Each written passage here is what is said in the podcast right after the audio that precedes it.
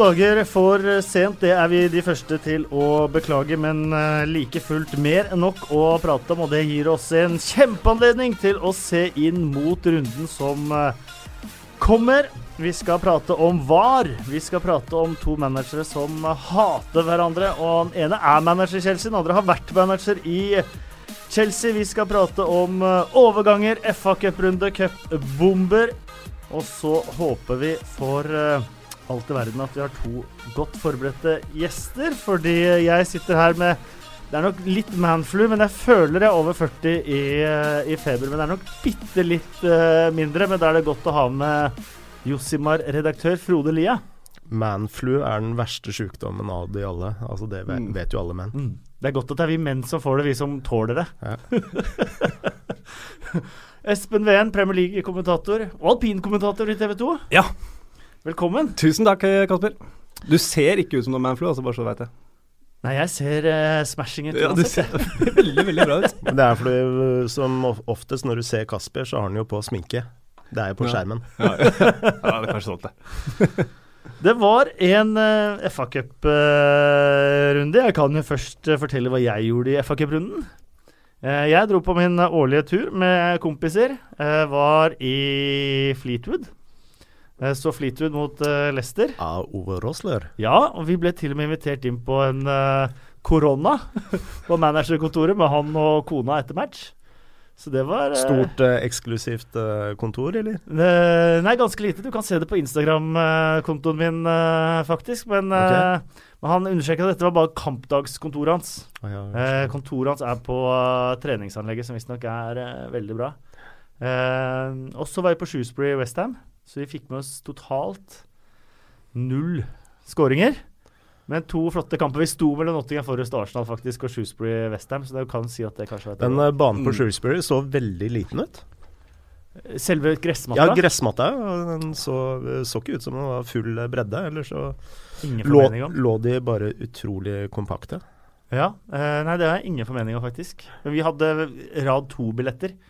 Så noe særlig oversikt over gressmatta fikk vi, fikk vi ikke. Det var jo en utrolig engelsk fotballkamp, eh, hvis man kan eh, si noe sånn. Altså, ballen var vel mer oppe i lufta enn eh, Helt På bakken, ekstremt. Men Shrewsbury kom med en plan. Ja. Det skal de ha. Og Westham kom med spillere som Noen av de merka du hadde, de hadde ikke lyst til å være der. Nei. Chicharito hadde ingen interesse av å spille kamp i Shrewsbury.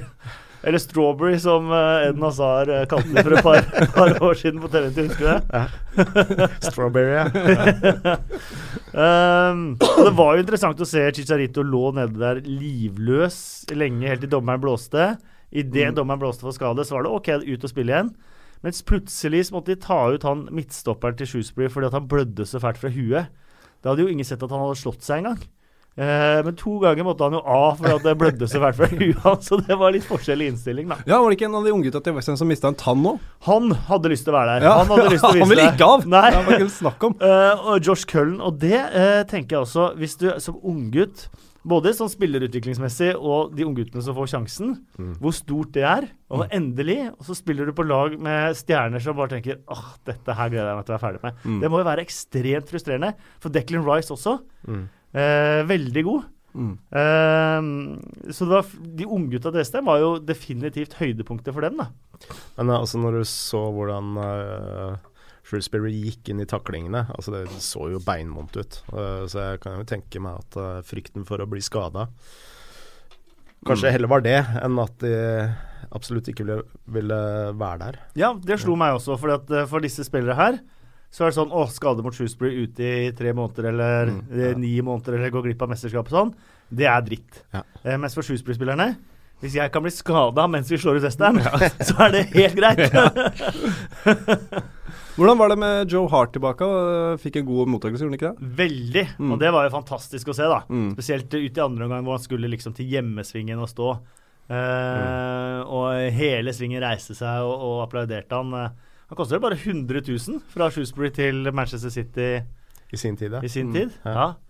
Eh, og han fikk vel Han sto vel med Shrewsbury-cap, Ja, det som han fikk fra Shrewsbury-fan der. Kan spille der neste sesong, da, kanskje. ja, men den Jeg kan jo også nevne at jeg har også vært på fotballtur. Eh, Jeg besøkte Barnet. Uh, så jeg har I helga nå? Nei, det er vel Det er vel tre-fire uker siden, Ja. faktisk. Eh, men øh, Så nå har jeg sett øh, Barnett på en rett gressmatte. Ja. Eh, for de var jo kjent med altså, Den tidligere hjemmebanen Mm. deres uh, hella jo ene veien. Så, Spilte oppover nedoverbakke, og det er og litt min årlige matforgiftning, da. Ja. Selvsagt. Ja, Ja, ja, ja. Gikk på en sånn uh, sausage roll og Mm. eh, lå, lå rett ut eh, et par dager etterpå. Det er de der kontinentale magene tåler ikke engelsk ord, vet du. um, men Underhill, som de da spilte på, som hadde helling, der startet de demolition, altså riving, på mandag som var, nå for fire dager siden. Det er jo trist. De banene som nå går dukken. Ja, altså det var, var jo utrolig fint sted å besøke. Sånn, Ja. Du var sånn, på The sånn- Hive òg. Ja, jeg har vært på Mm. The Hive òg. ja, nå, ja. Mhm. Og det er jo mer sånn uh, gymsalpreget. Ja. Uh, det er jo det. Men eh, samtidig utrolig flott, og det er et område med veldig mye Veldig mange baner. Mm. Så det er jo utrolig gode treningsfasiliteter som er en mangelvare i London. Um, Lester Fleetwood, da um, De hadde jo fortjent å vinne, Fleetwood. Mm. Uh, de hadde en uh, dobbeltstolpe der helt på slutten. Uh, Chris Neal, keeperen til Fleetwood, med ett års forbruk nå fra Papa John's Pizza for å holde nullen. det, eh, jeg spurte Ove om det, faktisk, og han bare himla med øynene. Jeg vet ikke om Han syntes det var den kuleste dealen. Plutselig om ett år så har han den tjukke keeperen. Men du som har besøkt eh, Ove, hva slags standing har han i engelsk fotball akkurat nå? Altså Blir han sett på som en sånn failure som ikke klarte det med Leeds, eller uh, Nei, på ingen nei. måte, eh, tror jeg. Men det er jo litt sånn at når man tar et steg eller to fram mm. og, og glipper der, så må man Mm. ta et steg tilbake. Det var jo sånn han begynte. Det syns jeg er interessant med tanke på andre managere som må ha samme ambisjoner. da. Ja. Mm. Han flytta jo til England. Eh, gikk aktivt inn i jobbsøkinga eh, før han fikk Brentford-jobben. For hans langsiktige Mm. mål, og det har han vært eh, klar på, det er å bli Premier League-manager. Ja, det vil jeg tro. Mm. Eh, og han gjorde det fantastisk med Brentford. Eh, Mm. Da fikk han jo på en måte det opprykket med, med, med Wiggen. da. Mm. som det ikke gikk så bra. Hadde Leeds, eh, men der var det jo fullstendig kaos. Der fikk jo alle managere sparken etter få kamper. Mm. Eh, og da begynner litt sånn eh, nedover igjen. Og han har gjort en strålende jobb i eh, Fleetwood. Jeg møtte han jo i Huddersfield også før jul. Ja. Eh, Huddersfield Manchester City. Mm. Og da var han jo på jobb for en eller annen eh, TV-kanal eh, der som indre baneekspert også, så eh, så standingen hans tror jeg er ikke noe å lure på. Eh, virker som han Det virker som en flott klubb også å, å jobbe seg opp i. Mange Mm. spennende spillere der. Ja. Men unge spillere. Så sikkert bra for, uh, for han, det. Uh, men cupen um, Du hadde jo da Nottingham Forest. Her var det det største resultatet i helga? Ja. Ja, det er vel ikke noe særlig i tvil om det. Nei, det er ikke noe Og de vant uh, fortjent. Ja. Igjen, da, så ser du jo et lag som går inn med alt, alt de har, Mm. Eh, mot et eh, Premier League som eh, Altså, det er jo vanskelig å si noe bastant, men eh, på meg så virka det som at eh, det var en rekke spillere som eh, var redd for skader eller helst ikke ville være der på mange måter. Som spilte på 95% og da går det som det går. De slo Nottingham Forest slo da Arsenal eh, 4-2. Um, managerless, uten manager Nottingham Forest, har Mm. Gary Brazil som uh, caretaker etter at uh, han fikk sparken godeste Mark Warburton. Mm. Um, men Arsenal, hvorfor sparer de spillere? Det er, eh, det er ikke sånn at de satte fullt maskineri utpå mot eh, Chelsea i ligacupen i midtuka etterpå heller. Det virker jo merkelig ting egentlig å skulle spare så mye spillere. Et, spesielt ettersom FA-cupen kanskje har vært Wengers redning de siste sesongene. Ja, absolutt. Og det er, det det jeg trodde han skulle spare der for å sette inn alt kruttet i går. Uh, men så hadde han tydeligvis en kampplan i går da, på at her skal vi uh, ligge bakpå og holde Chelsea fra det, og så tar de ta på Emirates. Det må være det som er tanken til, til Wenger. Og så så det postmatch-intervjuet hans også etter, etter Forest-kampen, så han, han var en sla, han var jo en, på en sånn slagen mann, men det var ikke noen unnskyldninger der uh, heller. Var, han, hadde, han mente han hadde åtte-ni internationals uh, på banen, og de skal jo være gode nok til å slå Nottingham Forest uansett. Uh, det laget de stiller ut på, tenker jeg da. Men så men det er interessant det med managerless Nottingham Forest, fordi jeg hørte litt på det matchet det etterpå. Altså, det er jo veldig bra go der nå i Nottingham Ja. Forest. At det er publikumstallene har tatt seg opp, og selv om de har hatt var det 20 managere på 24 år eller et eller annet sånt noe. Også han høyrebekken. Uh, jeg si jeg kjenner så mye til han amerikanerne, men han må jo ha hatt uh, sitt livs opplevelse med to skåringer uh, i den kampen der. Eric Lehigh eh, han har jo hatt en litt så broket eh, vei fram til eh, Nottingham Forest. Han var jo i, i Aston Villa, var regnet som et stort eh, talent. Har vært mange år i Nottingham Forest nå. Mm. Eh, men det morsomme med han var at han fikk spørsmål Eller han svarte vel på spørsmål at eh, hvis han hadde skåra tre, Mm. så hadde kona lova han en hund.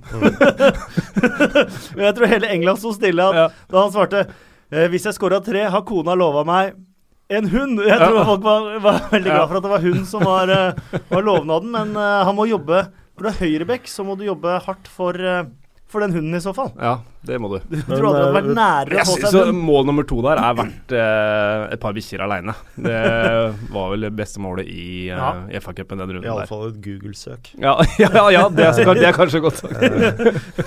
Han har nå kommet fram til fin Ja, ja. Søk hund. Ja. Eh, men for å eh, være litt djevelens advokat, da, så eh, Jeg kan jo forstå Wenger. Mm. Altså, nå er de, altså, de er to, eh, to poeng uh, utafor topp fem. Eh, enda lenger eh, topp fire. Uh, og det er jo er vel det som har holdt uh, liv i Winger, eh, Wenger Ikke Winger, eh, det er en annen, annen kar. Wenger i lang tid, og er jo pri, prio nummer én. Mm. Ikke sant? Den Champions League-plassen. og hvis du altså starter med Sanchez på på benken, og hvis du da eh, hadde starta med han, eh, altså mot Chelsea i går f.eks., Mm. så har han ute, så tror jeg Wenger skjønner at det da er Og han- klarer å, å beholde Sanchez òg. så er vel fort en topp fire med han ute med skalle, da. eh, Topp fire en saga blått. Nå er vel dealen det med Alexis Sanchez, i hvert fall ifølge enkelte deler av engelsk presse, som vi vet vi skal ta med en klype salt. Kontrakten går ut i sommeren. Hvis han signerer eh, for Manchester City i sommer, så får han eh, 30 millioner pund i signeringsbonus. Eh, hvis han eh, signerer for Manchester City nå, så må City betale 20 millioner pund til Arsenal. Eh, og da får han bare 15 millioner pund i signerings-sign-on-fee. Ehm, så da virker det litt som om uh, hvor mye penger trenger Alexis Sanchez uh, det egentlig står på til, til slutt, da.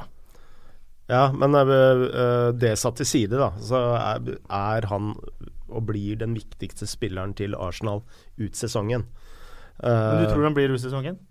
For jeg, jeg- klarer ikke helt å se det for meg. altså. Ja, jeg tror det. Altså, eh, I hvert fall med tanke på den tabellsituasjonen eh, Arsenal er i nå. Eh, men samtidig så eh, Hvor mye dårlig stemning er det han Mm. lager i garderoben nå? ikke sant? Så, men eh, eh, Wenger har jo eh, en historie med å, å eh, ha en pragmatisk holdning til, eh, til eh, sånne type eh, Mm. spillere. Så ja.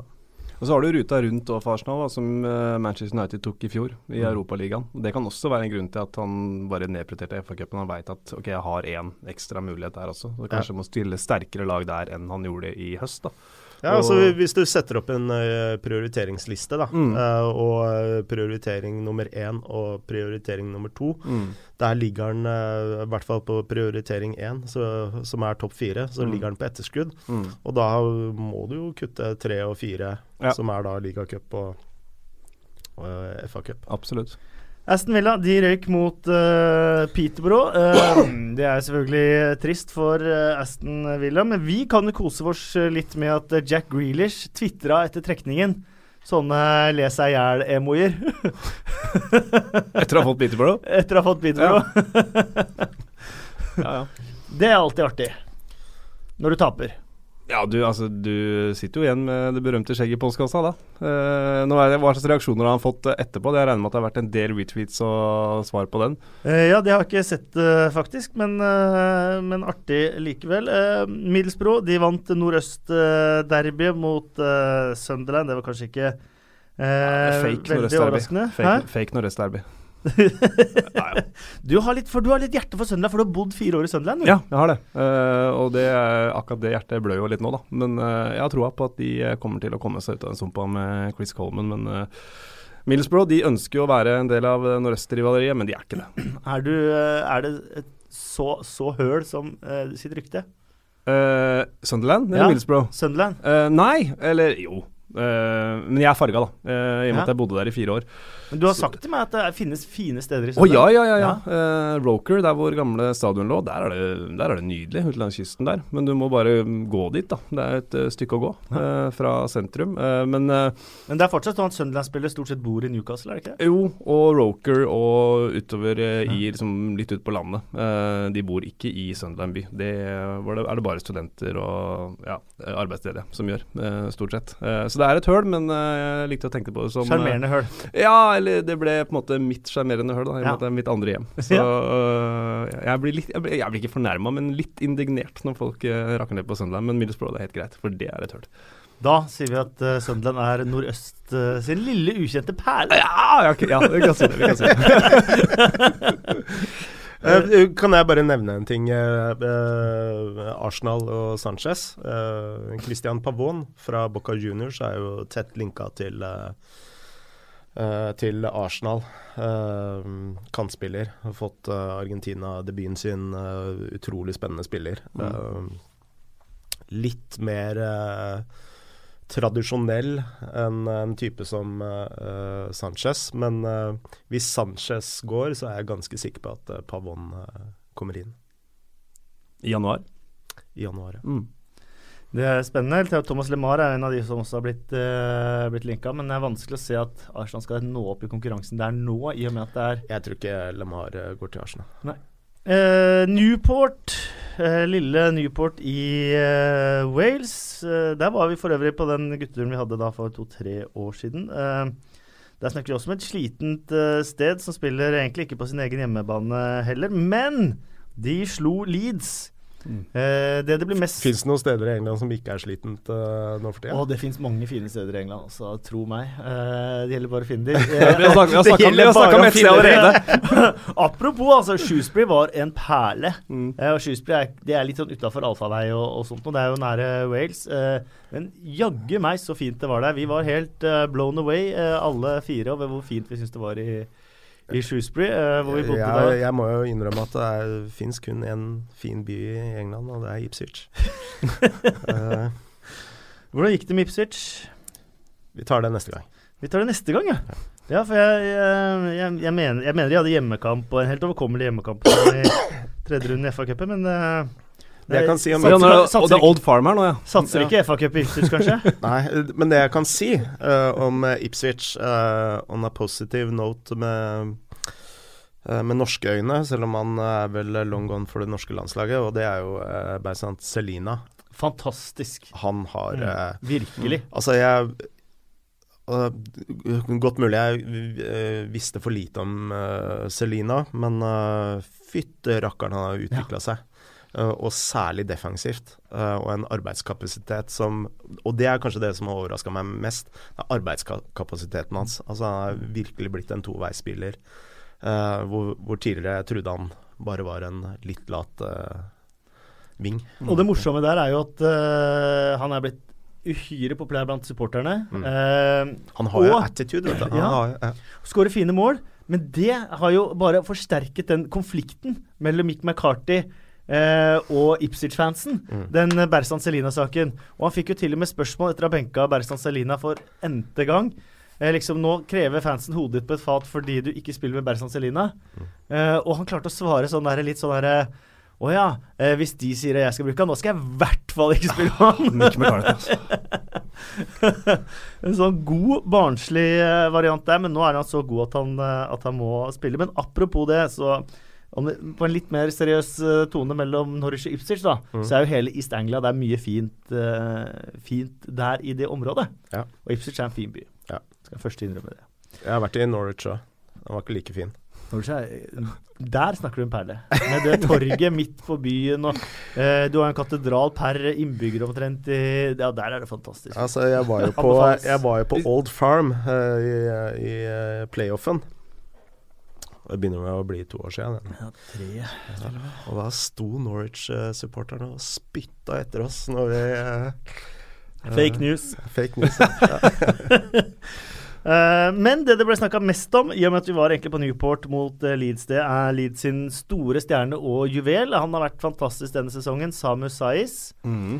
Uh, han hadde en spytteepisode tidligere i sesongen der, det ble, der han ble frikjent. Eh, det ble han ikke denne gangen, og fikk eh, seks kamper for, eh, for spytting. Ja, det var en uh, solid spytteklyse på trøya til han Newport-spilleren der. Så, men det var ikke noen bilder av det. Uh, men var det Mike Dean som dømte, var det ikke det? Jeg tror det var det. Det kan det ha vært. Og de har fått det med seg, og det er jo Det er en uting.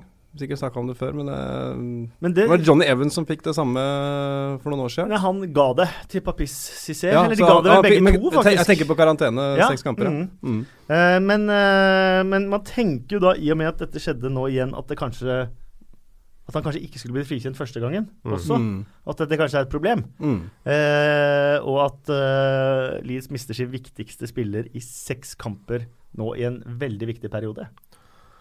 Ja, altså det det er, jo- Men eh, det er jo fortjent. Men hva Spytting blir jo slått ekstremt hardt ned på. Biting, det samme og sånt. Men hva, Altså, hva, hva, hva vil man helst? Bli takla stygt? Bli slått i ansiktet eller eh, spytta på? altså, hva er poenget med å sette opp mot hverandre, Takk. tenker jeg. Eh, det er eh, eh, Altså, begge deler er jo ille. Altså, det er jo ingen tvil om at uh, taklinger, særlig i England Altså, om ingen andre steder i England uh, har gått Altså, du har jo historier om uh, utenlandske spillere som blir bare meid ned, og så og klager til ref, og ref sier bare 'welcome to England'. Ikke sant? Så det er uh, Ja. Nei, Jeg ser ikke noen grunn til å sette det opp mot hverandre. Det kan jo seks kamper for de stygge taklingene også. og Det, det vil være riktigere enn å begynne å skulle differensiere på det, syns jeg. QPR de eh, som vanlig røyk mot eh, lag fra under dem på, i, i ligasystemet. Hjemme 0-1 mot eh, Milton Keanes. Det er ikke sånn at Ian Holloway har én av sju ganger siste eller har klart å komme seg forbi første runde. Det helt, det funker eh, ikke faen i det hele tatt. i det hele tatt. Wimbledon var sjanseløse på Wembley eh, denne gangen. Ga det en god fight en stund. Eh, derbyet mellom Brighton og Crystal Palace eh, Derby og derby, det er jo mer sånn hatoppgjør, Mm. som det ble utvikla til på 70-tallet. Eh, Brighton vant. Skuffende få tilskuere, egentlig, men Mm. veldig god atmosfære. Eh, og selvfølgelig var det Glenn uh, Murray som uh, skåra matchvinnermålet. Han som ble toppskårer for Crystal Palace med 31 ligamål da de rykka opp. Mm. Uh, og da fikk vi jo se for første gang i engelsk historie VAR Mm. introdusert. Var det hens, eller var det ikke?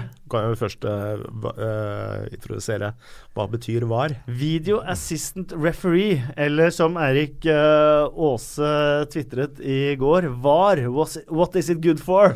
Absolutely nothing.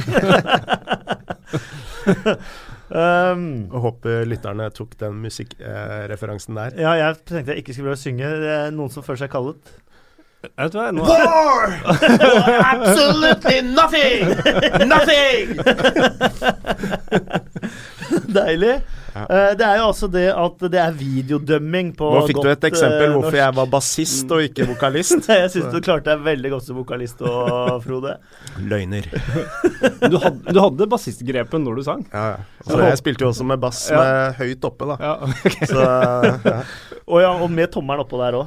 Ja, helt sånn eh, level, eh, level 42. Mm, eh, ja. Uh, jeg håper det nå satt noen på T-banen som måtte ta ut den ene øreproppen, og så måtte flire litt, og så fikk masse blikk fra folk rundt seg på T-banen eller bussen òg. Uh, men det er altså videodømming uh, som er greia. Det vil altså si at Eller Espen, Ja. forklar i korte trekk hvordan VAR Vi har sett VAR i Confederations Cup. Altså Ja. videodømming. Det, da syns jeg det fungerte helt elendig. Mm. Og i løpet av tre kamper med videodømming så slutta dommerne å dømme. Mm. Da ble alle situasjoner ble det lagd en sånn firkant med fingrene. Mm. Og alle situasjoner skulle dømmes eh, fra bussen utafor. Og dommere bare fullstendig ansvarsfraskrivning. Mm. Eh, og så har det vel fungert eh, Har det vel prøvd Tyskland og Italia Ja, så langt. altså, vært ja. litt mer smooth det enn Confederations Cup.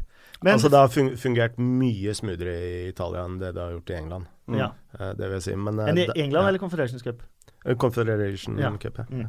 Eh, men forklar nå hvordan det skal fungere i England når det da eventuelt kommer. Ja, altså det er jo Slagordet er 'minimum interference, maximum benefit'. Mm. Mm. Så eh, det, En annen ting, viktig ting er 'was the decision clearly wrong'? Det er det Mm. som er altså er det, Og en åpenbar feil her som skal tas. Eh, og så er det fire sånne eh, situasjoner man skal kunne se på. Det er eh, mål, straffer, altså straffe, ikke straffe, mål, ikke mål. direkte røde kort, ikke second yellows, Mhm. og mistaken identity. Sånn Mm. er det at noen får gult kort som ikke skal hatt, eller rødt kort som ikke skal hatt. Da Gibbs, Oxlade Chamberlain Ja, um, den type der. Gareth McAuley. er Eh, Craig Dawson. Det Ja. er det morsomste, for den, som kommentator ser du heller ikke forskjell på de to Nei, nei, nei. der nede. Og de er 23 og 25, så der hadde jeg veldig forståelse med dommeren. Absolutt. Det er kanskje greit at Graham Poll ikke er der heller. uh, for du tar ikke ja, tredje gullet heller. tredje gul, tredje gul tar du ikke. Uh, så og så, så Når jeg leste meg litt opp på det, så tenkte jeg ja ja, alle avgjørelser skal jo ikke tas. Men så er det, det er alltid noe ifs and buts, da. Og blant annet på mål så er det jo hvordan vant laget ballen? Man kan gå helt tilbake til det. Oi. Mm. Ja. Eh, hvordan, how did the team gain possession? Og da er du på innkast, ikke sant? Hvis innkastet var feil i forkant. Eh, så jeg klarer jo ikke helt å bli enig med meg sjøl om eh, jeg syns det er Om jeg vil ha det eller ikke. Fordi det første jeg tenkte var å ja, men da blir det borte det der at dommeren peker på straffemerket. Men det, sånn er det ikke. Fordi dommeren må ta en avgjørelse, og så kan VAR Han må dømme, og Må så dømme. kommer VAR inn. Ikke sant? Og de som sitter i dette videorommet, de kan heller ikke ta avgjørelse. De kan komme med en anbefaling til dommeren at hei, hei, du burde sjekke dette her. Eh, men de kan ikke ta en avgjørelse. Så det du sier er at Mike Dean kommer ikke kommer til å bare ta råd og så dømme motsatt av det bussen sier uansett? Det er fullt mulig. uh, for eksempel, hvis du tar den uh, I hens situasjoner vil jo det være veldig aktuelt. Ja, Ja. ikke sant. Uh, hvis du tar en konkret situasjon, en kamp jeg kommenterte, som jeg syns var ganske vanskelig, faktisk. Uh, Tottenham-Westham. Uh, I forkant av målet til Tottenham så ser det ut som et frispark mot Serge Aurier. Han takler på ballen. Mike Dean står perfekt plassert. Han mener at det ikke er en forseelse.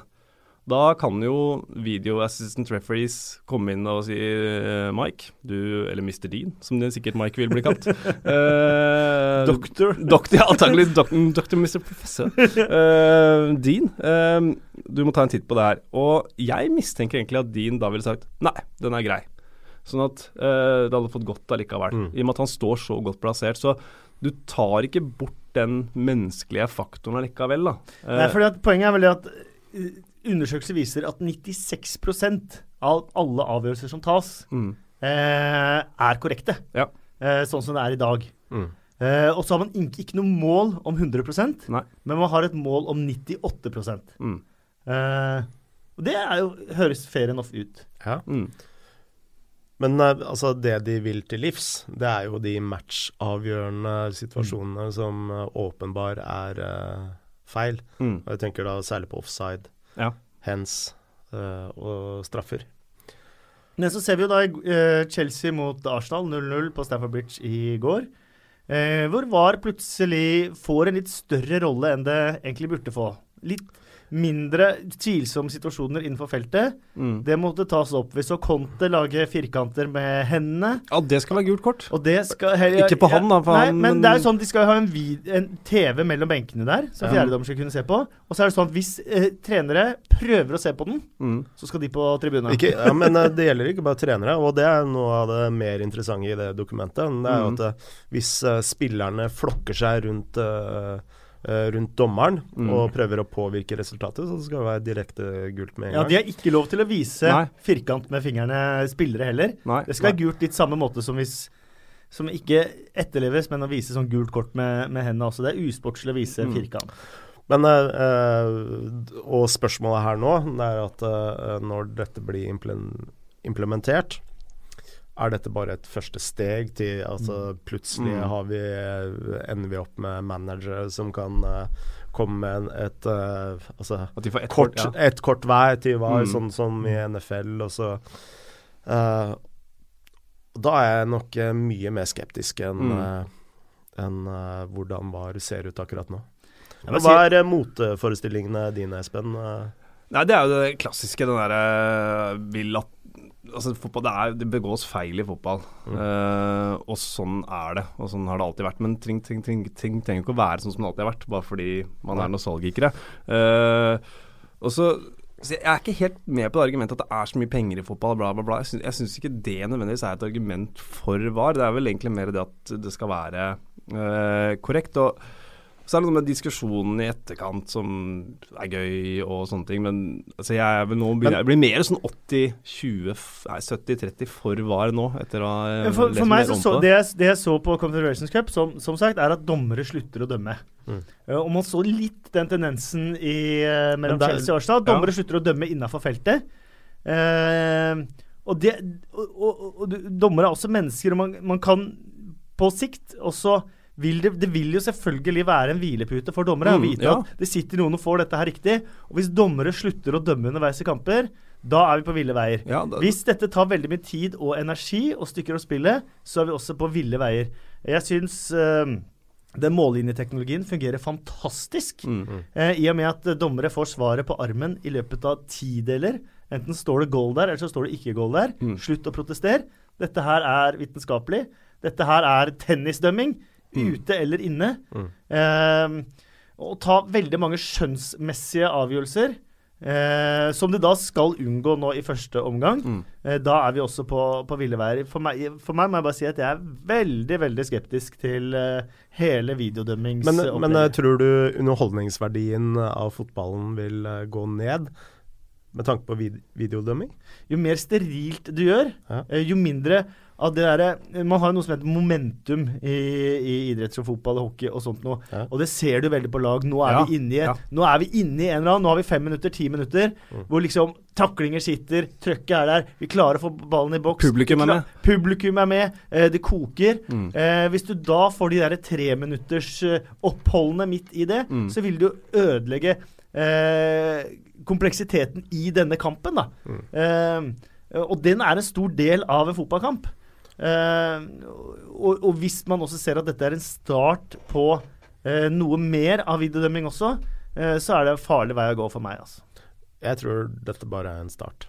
Jeg er redd for det. Eh, eh, og grunnen til det Altså, du snakker om penger, Mm. men uh, altså, hvem er som kontrollerer fotballen? Jo, jo, Det er, de, nettopp, er nettopp det. det er jo de rike klubbene, og de vil jo Så langt jeg har fått med meg, da, Mm. de er jo veldig pro uh, VAR. Mm. Mm. Men jeg må jo si at eh, altså, hvis vi Altså, dette er jo noe som Hvilket kommer fra andre litt, hvilket er litt rart hvis man ser liksom på historikken på de store klubbene på hjemmebane. Hvor mye Heia Manchester United! for, for og hvor få straffespark de får mot. Ja, Så skulle man tro at de var, kanskje var de største motstanderne av dette. burde være det. Men eh, altså, dette kommer jo fra andre idretter, da. Og eh, i England da, og rugby, Mm. så hver gang, hver gang det er videodømming der, så syns jeg det er utrolig, utrolig underholdende å få høre samtalen mellom dommeren. eh, eh, så det burde jo i hvert fall fotballen ha fått inn. Altså Mm. hatt Mike Dean på eh, ja. Men, men det er jo sånn, det med videodømming man tenker at okay, det, det kan ikke bli 100% korrekt. For det er jo fortsatt mennesker som tar avgjørelser her. Altså De VAR-folka. Det er jo ikke roboter. uh, selv om kanskje noen skulle ønske det. Den, ta den derre på fredag, Mercyside Derby. Da var det vel uh, straffesituasjonen der. Det er altså Liverpool mot uh, Everton. Ja. Liverpool vant eh, 2-1 til slutt. Ja, så får Liverpool en straffe. I kampen så sier vel Martin Keon, som er ekspertkommentator, det er straffe. Mm. Eh, I postmatch så sitter hele studio, det er vel Lineker, tror jeg, Alan Shearer, og sier det er ikke straffe. Så Og Ja, og det ser vi jo også uh, På det er et veldig godt- TV2-studio hver eneste lørdag og søndag. ja, definitivt. Og vi ser det også i de engelske avisspaltene, som har hver sin uh, Halsey, Poll, Mm. Clattenburg. Som er uh, Keith Hackett, som er eksperter i forskjellige engelske aviser, Mm. som kommer til ulike konklusjoner i papiravisene dagen etter kamp Ja. på uh, avgjørende situasjoner i, i match. Mm. Det er jo interessant, da. Mm. Når til og med ikke de klarer å komme med et fasitsvar dagen etter, Mm. men også mye baserer på skjønn, og lander på ulike sider. For Ja. Det sitter jo dommer, uh, dommere og dommerutdannede mennesker i, foran videoskjermene, da. Mm. Og det var jo Ja, Dele Alli også, den straffa mot Burnley. Mm. Ja, Ingen ble enig. ingen ble enig. I eh, Storbritannia er det straffe. I, eh, I Norge så var vi enige om at det ikke var straffe. Ja. Det bringer oss videre til Liverpool-Everton.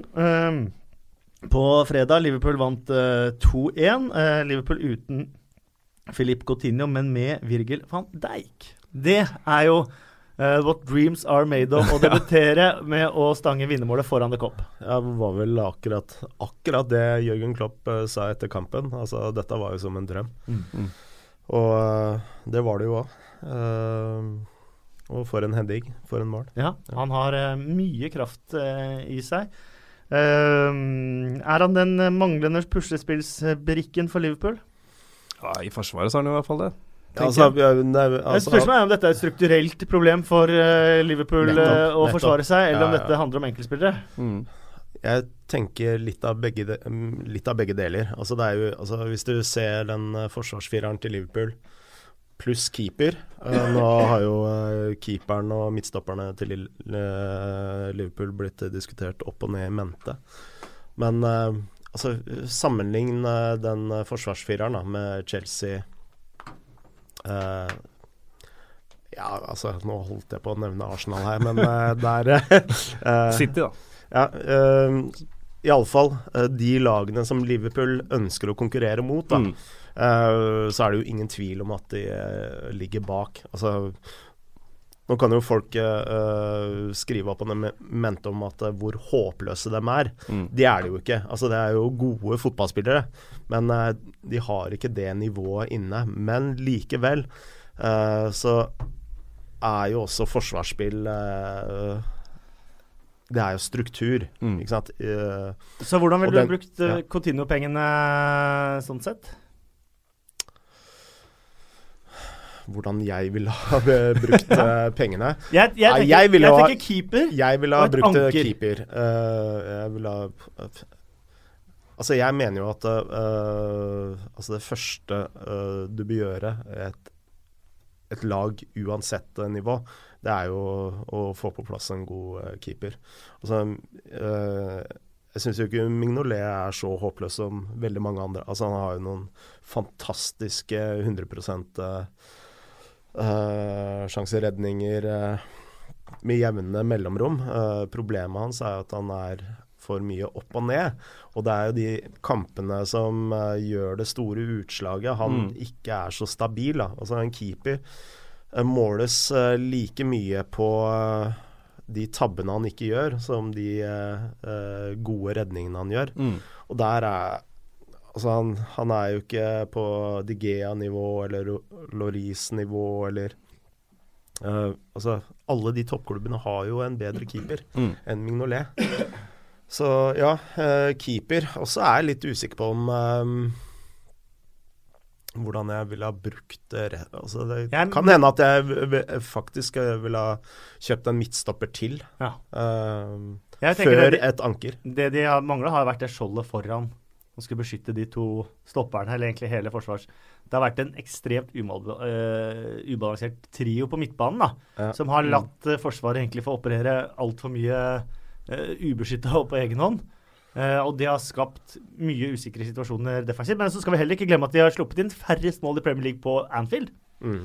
Det er bortebane. De har, eh, de har sluppet inn mye mål. De har sluppet inn fire mål bare på, på Anfield. Men man må, også huske på da at eh, Liverpool er et lag som går med flere spillere enn veldig mange andre lag. Og Det er derfor det Eh, ankeret blir så ekstremt viktig. da En ja. Mm. Kanté, eksempel, Ja. eh, som eh, en sånn håv som bare Mm. plukker opp det som kommer i Jo, i retur, da. men samtidig må vi huske at det laget som spiller mot Liverpool eh, Når de tar Liverpool på, uh, uh, på kontringene, så er det jo baller stort sett i bakrom. Og det er jo de Altså um, Uh, mot Tottenham f.eks. Det var jo de ballene uh, mm. Liverpool tapte på. altså Det er jo de bakromspasningene. Uh, og det er jo de vanskeligste ballene for uh, midtstoppere og backer å forsvare seg mot. Så det dreier seg like mye om struktur, da. Ja. ja. Mm. Men, men, tror du ikke van Dijk som en sånn hærfører ledertype kan hjelpe til på den strukturen også, tenker jeg da? Altså, at du får en, en mer sjef bak deg? At det er, noe, det er helt utvilsomt at han er første navn på blokka? Ja, altså det er jo forsvarsspill har jo også et psykologisk mm. aspekt. da. Mm. Eller alle, alle, deler av fotballspillet har jo et psykologisk aspekt, men særlig på forsvarsspillet. Mm. Altså, uh, Har du en god keeper bak deg, en sånn trygghet altså det, det, sprer en trygghet, en selvtillit. Hvis du alltid går ut på banen her med en litt uggen følelse, Uh, litt uttrykk på uh, keeperen din, så er det en sånn usikkerhet som sprer seg og den forplanter seg til feil, mm. helt konkret. Altså du eh, posisjonerer deg feil fordi du skal begynne å kompensere eh, osv. Så, videre. uh, så ja, Mm. Han kan uh, være den personen som kan Ja, for jeg tenker at han vil bre trygghet rundt seg. At han, For meg så er van Dijk en sånn spiller som om han gjør en feil, så bare Bare brø, hva vet jeg da, børster av, skul, børster, av, børster skulderen og fortsetter. Altså, ja. det påvirker Attitude, ja. attitude, ikke sant. Han det er kassa fram. Jeg er sjef, han kommer inn rett inn i midtforsvaret og styrte og stelte. Nå hørtes det ut som en engelsk manager. Ja, det gjorde jeg kanskje. Og så er han on the front foot. Ja, veldig, on, veldig on the front foot. Espen er On the front foot. men, men vi må egentlig uh, bare snakke om den store snakkisen etter den matchen. Uh, Firmino, Mason Holgate. Uh, er jo, det er jo en sak som nå er under etterforskning. Firmino skal ha kommet med rasistisk utsagn til Mason Holgate i løpet av den, den kampen. det fins ikke noe Uh, fasitsvar før de eventuelt har undersøkt eh, det, de, uh, det, de, skal undersøke. Nå vet jeg ikke mm. helt hvilken vei det går. Det er jo sånn at dommere har mikrofon, mm. men det tas ikke opp. Mm. så om noen har hørt det underveis, så vidt jeg har skjønt, så hadde ikke Madley hørt det. Nei. Og så må man se på reaksjonene, for vi ser at det som er helt tydelig, at Firmino roper 'puta', mm. som ikke er et pent ord på spansk, og at Holgate ikke, rea ikke reagerer. Portugisisk, mener du? Puta, er ikke det spansk òg? Jo, men han er vel eh, brasilianer. Ja, han er brasilianer, så han snakker portugisisk, ja. Mm. Puta madre. Ja. Det er spansk. Uh, Fila da puta, det er portugisisk. Ja, ok. uh, uansett uh, så ser vi at Holgit ikke reagerer på det. Ja. og det er det som gjør meg litt så mistenksom, for det kommer da et hode imellom, i hvert fall på kameravinkelen vi har sett, mm. når Firmino roper det neste. Og da ser vi at Holgit reagerer enormt. Uh, Mm. Og nå er det jo sånn at selvfølgelig, og sånn er fotballen lagd, at Liverpool-supporter mener Firmino ikke har gjort uh, noe gærent. Og, og, sånn for å generalisere, da. Og mens mm. Everton-supporter mener at dette er uh, oppe og avgjort. Mm. Um, generelt. Det finnes selvfølgelig uh, både unntak og, og, folk som klarer å se grått i begge leire. Um, men hva tenker dere om situasjonen? Altså, det er vanskelig å si. Ja, uh, ja det fins jo ikke noe fasit nå. Nei, det, det fins ikke, noe fasit. Men, men uh, Rasisme på fotballbanen er uansett Ja, men jeg, jeg har to ting jeg tenker Altså, ikke tenker om det, men som jeg har lyst til å komme med litt innsikt. den første delen var altså Nei, rasisme og Liverpool en gang til. Altså, det er jo Suárez, hele den bøtteballetten mm. en gang til. Uh, det var det første jeg tenkte. Uh, men så så jeg det var veldig mange som lurte på altså, Er ikke de samme farge? Uh, men hvis du drar til Brasil, uh, så er jo sånn Firmino ser ut, det går for å være hvite mm. i, i, Brasil. så det kan godt være at han han Uh, fra et uh, hvitt ståsted kan komme med sånne utdannelser til en mm. mørk en. Uh, for det, altså det, diskvalifiserer ikke han fra å, å, kunne komme med slike rasistiske angivelige mm, ord. Da. Jeg tenker situasjonen Hvis du tar Nei, selvfølgelig det vi snakker om nå, det mest alvorlige. Men du må også ta med det Holgate gjør i forkant der, for det er jo ikke pent i det hele tatt. ikke at det, det er på ingen måte liksom Jeg skal si uh, gjør at Firmino kan reagere som han vil. Men det er jo en stygg sak å dytte han inn i reklameskiltet. Ja, men igjen, da, så er vi tilbake til her med spytting kontra og rasisme kontra. Mm. For meg så er det sånn, hvis det blir bevist at det er uh, rasisme, ja, ja. Uh, så er det det er noe av det verste man Mm, som er enig, eh. Og det, er også, det kommer også på utsagn om legning og, og sånt noe, som Mm. man er ferdig med i, i fotballen og bør være ferdig med i fotballen, og Mm. som, eh, som ikke hører noe sted hjemme i, i fotballen. Eh, og så er det jo også eh, fryktelig synd også man blir beskyldt for det hvis man ikke har gjort det òg. Mm. Eh, så det er viktig at denne eh, undersøkelsen som FA gjør, gjøres, gjøres grundig. At man faller ned på riktig avgjørelse. Ja. Men også at man i begge leire klarer å respektere den avgjørelsen Mm. som kommer. da. Ja. Eh, uansett hvilken, hvilken side man ender på, så er det viktig at eh, Everton godtar det om man ikke finner bevist noe Mm. rasistisk, og også at Liverpool og, og også godtar at det er helt uakseptabelt om man finner Mm. det bevist at det ble sagt ras rasistisk. Men uh, man, uh, man kan jo også nevne her altså, Man kan jo si rasistiske ting uten å være rasist. Definitivt. Men, uh, du bare mister det, og så finner du eh, men utsagnet er like rasistisk uansett om ja, det kommer fra ja. en rasist eller ikke. Ja, det er det. Men eh, så eh, eh, Det er jo synd, da, hvis man uh, får stemple han resten av livet Mm. som en rasist. Uh, når, når det var bare noe som snappa der, en, eh, der og da. Ja. Vanskelige saker, det er det definitivt. Manchester United, de Men det jeg i hvert fall håper, det er at Liverpool-spillerne ikke kommer ut med trøyer med ja, Firmino, hvis ja. Ja, definitivt. Det er rødt kort. Det er rødt Mm. kort. Manchester United de slo Derby 2-0. Tidligere Derby-spiller Jesse Lingard skåra igjen. Han er i fantastisk uh, form.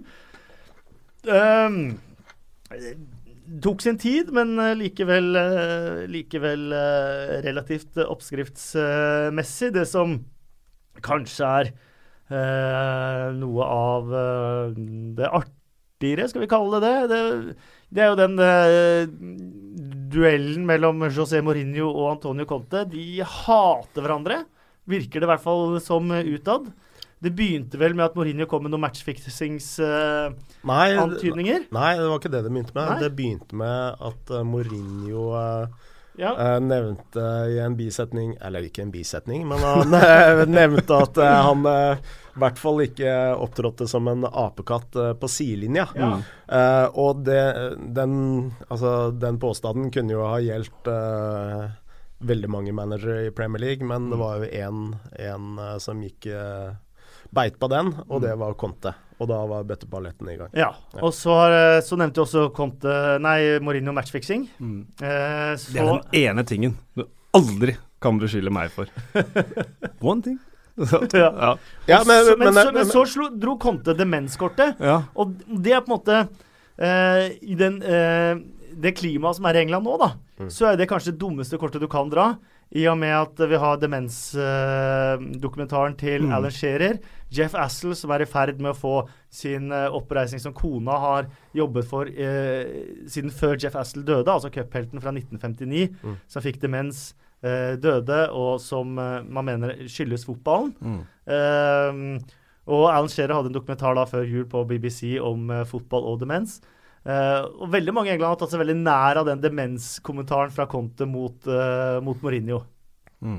Ja, uh, Conte sa vel at uh, det var noe som var lost in translation. Var Ja. ikke det han mente? Det mente han, men uh, Ja. det var det vel åpenbart ikke i og med at han sa dette på italiensk til italienske aviser. Og, og at det ble en liten sånn billig, billig Jeg skrev vel Altså, jeg skrev jo en kommentar om dette på Twitter, og jeg bare tenker Fytte rakkeren, for en barnehage.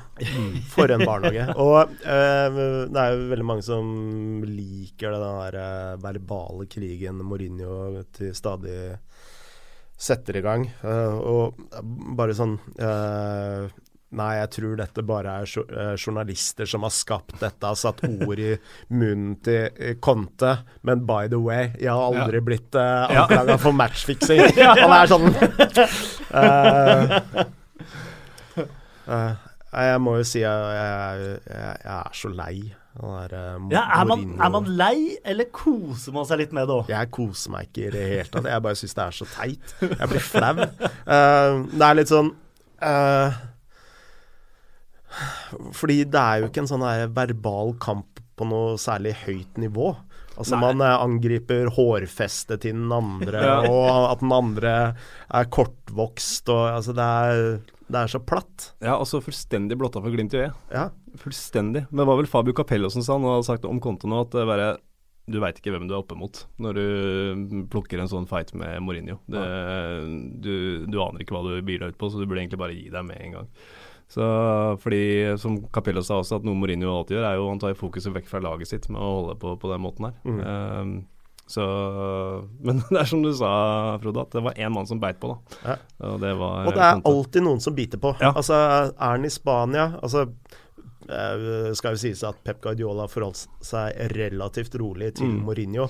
Men eh, altså, det var jo nok temperatur der til at eh, det skapte jo noen legendariske El Clásicoer. Mm. Uh, samme i Italia, ikke sant. Uh, det er jo gang på gang på gang. Alle Mm. biter på. Alle blir liksom uh, vippa av pinnen, da. Eh, Men det jeg lurer på denne gangen,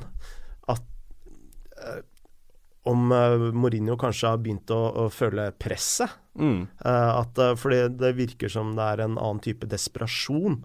En, eh, litt av den samme desperasjonen som du så i Madrid. Når resultatene ikke gikk eh, hans vei. Mens under Chelsea så var det en var kanskje litt mer glimt i Mm, øyet, ja. fordi han eh, Fram til Han- siste sesongen der, ja. ja, Ja. ikke sant? Så ja. Jeg har sagt det på podkasten mange ganger òg. At eh, veldig mye av det Mourinho har kommet med, syns jeg har vært eh, egentlig med på å gjøre det morsommere. Eh, jeg syns han har vært en fair and square fyr, og egentlig både overfor journalister og andre, i sine Mm. både rants og andre. Og han har gjort det ofte med glimt i øyet, og han har eh, sluppet eh, både folk, spillere, managere, journalister av kroken også når, eh, når de har vært eh, fair. Men at det overrasker meg han kom til Manchester United at han tok med seg så mye fra den siste sesongen i Chelsea. Når det kom med, med oss mot dem og sånn. Skal vi heller ikke glemme at sir Alex Ferguson også var veldig oss Ja, ja. mot dem. Og, og at han, eh, han banna vel eh, intervjuet fra BBC de siste i hvert fall fem åra han eh, var manager i, Mm. Manchester United og sånt nå. Um, så det Nei, men eh, jeg er helt enig med deg, eh, Frode, at det, det, det blir for mye sutring eh, nå. Han Altså- konstruerer konflikter som Ja. ikke fins nå. Altså Hvis du skal se eh, gode ver verbale fights, så er det bare å google Brian Clough, liksom. Ja. Mm. Der, der ligger nivået. Uh, og det er jo litt sånn uh, Du går ikke opp de fotsporene en gang til. Og, ja. Vi skal ha Twitter-hjørnet litt uh, seinere i uh, podkasten, men i og med at vi var inne på Manchester United-tema, så tar vi med oss Marius Grastveit sin uh, tweet uh, etter forrige podkast. Lingard blomstrer. Snakkes ikke ett eneste kvekk om at Mourinho har fått en egenprodusert spiller til å skinne. Ikke ett kvekk. Snakkes i hjel av Stirling og Pep. 500 millioner billigere. Bare sier det. Ja, Valid innspill? absolutt. Eh, snakkes vel eh, både to og tre kvekk om Lingard eh, nå for tida. Jeg tror men, vi snakker om hva vi snakket om i forrige podkast. Ja, sant? Også, men kanskje at Mourinho ikke får den samme krediten for Lingard som det Guardiola får for Stirling. Uh, og da kan vi jo bare se tilbake på det vi akkurat har prata om. Hva er det Mourinho driver med i uh, pressen? Han driver og tar fokus vekk fra spillet, så det kan jo være litt av grunnen til Mm. det, da, tenker jeg. At altså, der slår den taktikken litt tilbake, men eh, Ja, hva skal jeg si uh, Nei, det er utrolig det- morsomt å se Lingard nå, det må jo det være er jo helt fantastisk. Eh, en, uh, en spiller som har fått mye Om ikke mye kjeft, så er det bare sånn der Åh, skal han starte? Åh, kommer han inn? Hvorfor det? Og nå ser vi jo hvorfor. Men tror du det dreier seg om eh, personligheten Mourinho kontra Pep Guardiola, eller typen fotball Ja. eh, man spiller? Altså Når du spiller den type fotball som Pep Guardiola gjør, så får du mer goodwill på kjøpet. Mm. Uh, en, uh, altså Manchester United under Mourinho er jo et lag som bare fansen kan Mm. elske og like på mange Ja, og det, det, det tror jeg også er et kjempepoeng. Men hvis, hvis uh, Manchester United fortsetter å spille som i andre gang mot Everton, hvis de fortsetter å bruke Pogba som indreløper, som hvorfor i all verden gjorde de ikke det i juleprogrammet? Uh, det skjønner ikke jeg. Uh, da kan det jo kanskje være at vi får mer av det, for da blir det mer offensivt. Du ser jo at når Pogba koser seg, så, så setter han jo opp Lingard også. Det er jo den posisjonen han var god i Juventus, Ja. så veldig rart at Det er vel noe et samla eh, fotballekspertkorps, eh, som heldigvis ikke er en beskytta tittel, Ja. eh, har eh, bedt om eh, i lang, lang tid. Hvem er best, da, eh, av de engelske spillerne i den eh, posisjonen, da? Lingard eller Stirling? Nei, ja, vi har jo Dele Alli, vi har Ross Barkley, som har fått sovegangen sin. Akkurat nå, så Det kommer et VM til sommeren. Ja. Han har åtte landskamper Lingard fra, fra tidligere også. Ja. Altså, hvis du, Hva mener du? Altså de siste to-tre ukene, eller? Hvem er altså, best per i dag hvis du skulle spilt uh, landskamp i morgen om England? Jeg, Jeg tror jeg ville ha valgt eh, Lingard eh, med tanke på form. Mm. Uh, men jeg tror uh, Ally kanskje har et høyere toppnivå.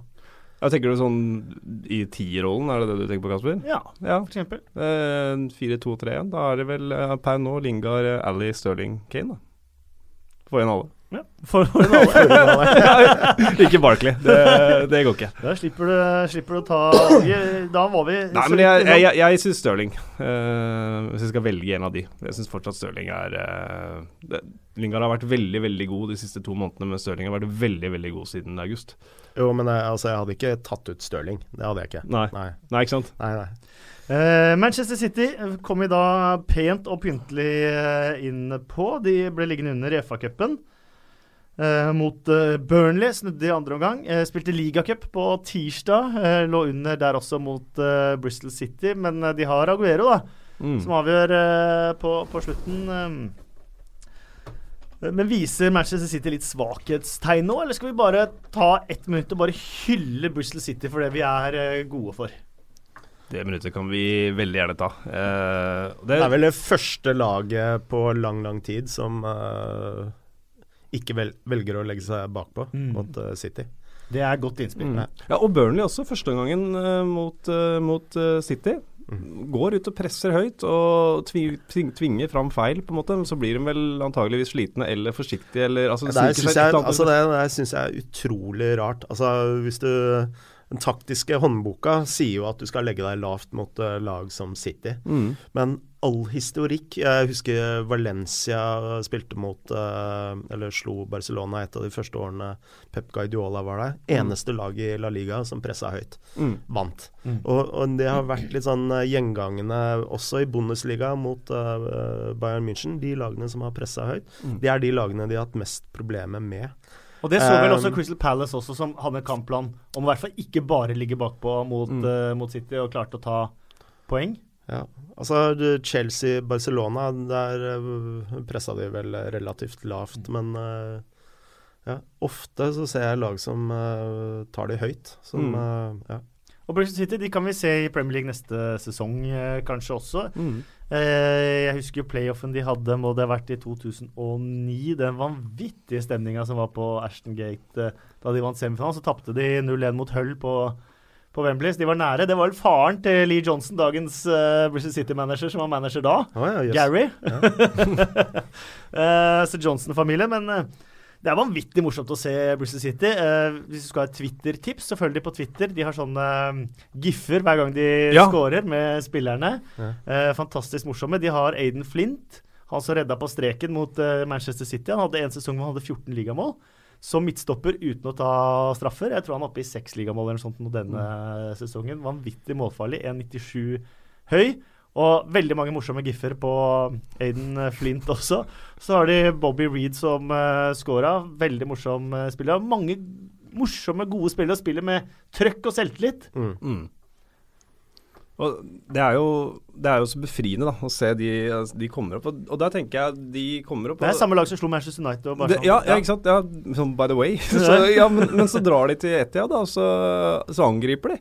Eh, og de skjønner at hvis, hvis de legger seg bakpå, så, så er det jo kjørt. De er ikke sikkert gode nok til å forsvare seg, eller hva det er. Men hvorfor kan ikke Det er jo kanskje en drømmetanke og en ønsketenkning. Hvorfor kan ikke flere lag gjøre det? Og når du ser på Jeg hørte dere snakka litt om podkasten forrige gang også. Newcastle som bare legger seg på egen femmeter fra første sekund. På i- hjemmebane. på hjemmebane på et utsolgt St. James' Park, utsolgt lenge før jul.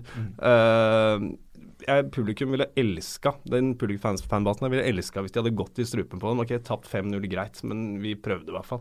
Selv om de Det var så interessant i den kampen, jeg skal ikke snakke for mye om det, men at da I første omgang, så lenge det var 0-0, så jubla jo fansen for uh, innkast og alt mulig sånt. Hvis de fikk tak i ballen, så Yes! ikke sant? Ja. Så de tok på en måte kanskje ironien. De så hvem som kom utpå der. Men jeg savner jo det. Jeg syns det er en litt sånn skummel trend, da. Eh, at, uh, at lag tilsynelatende gir opp før de starter. For jeg tror det er noe med mentaliteten også, at du, du veit at ok, manageren setter ikke ut på de beste spillerne.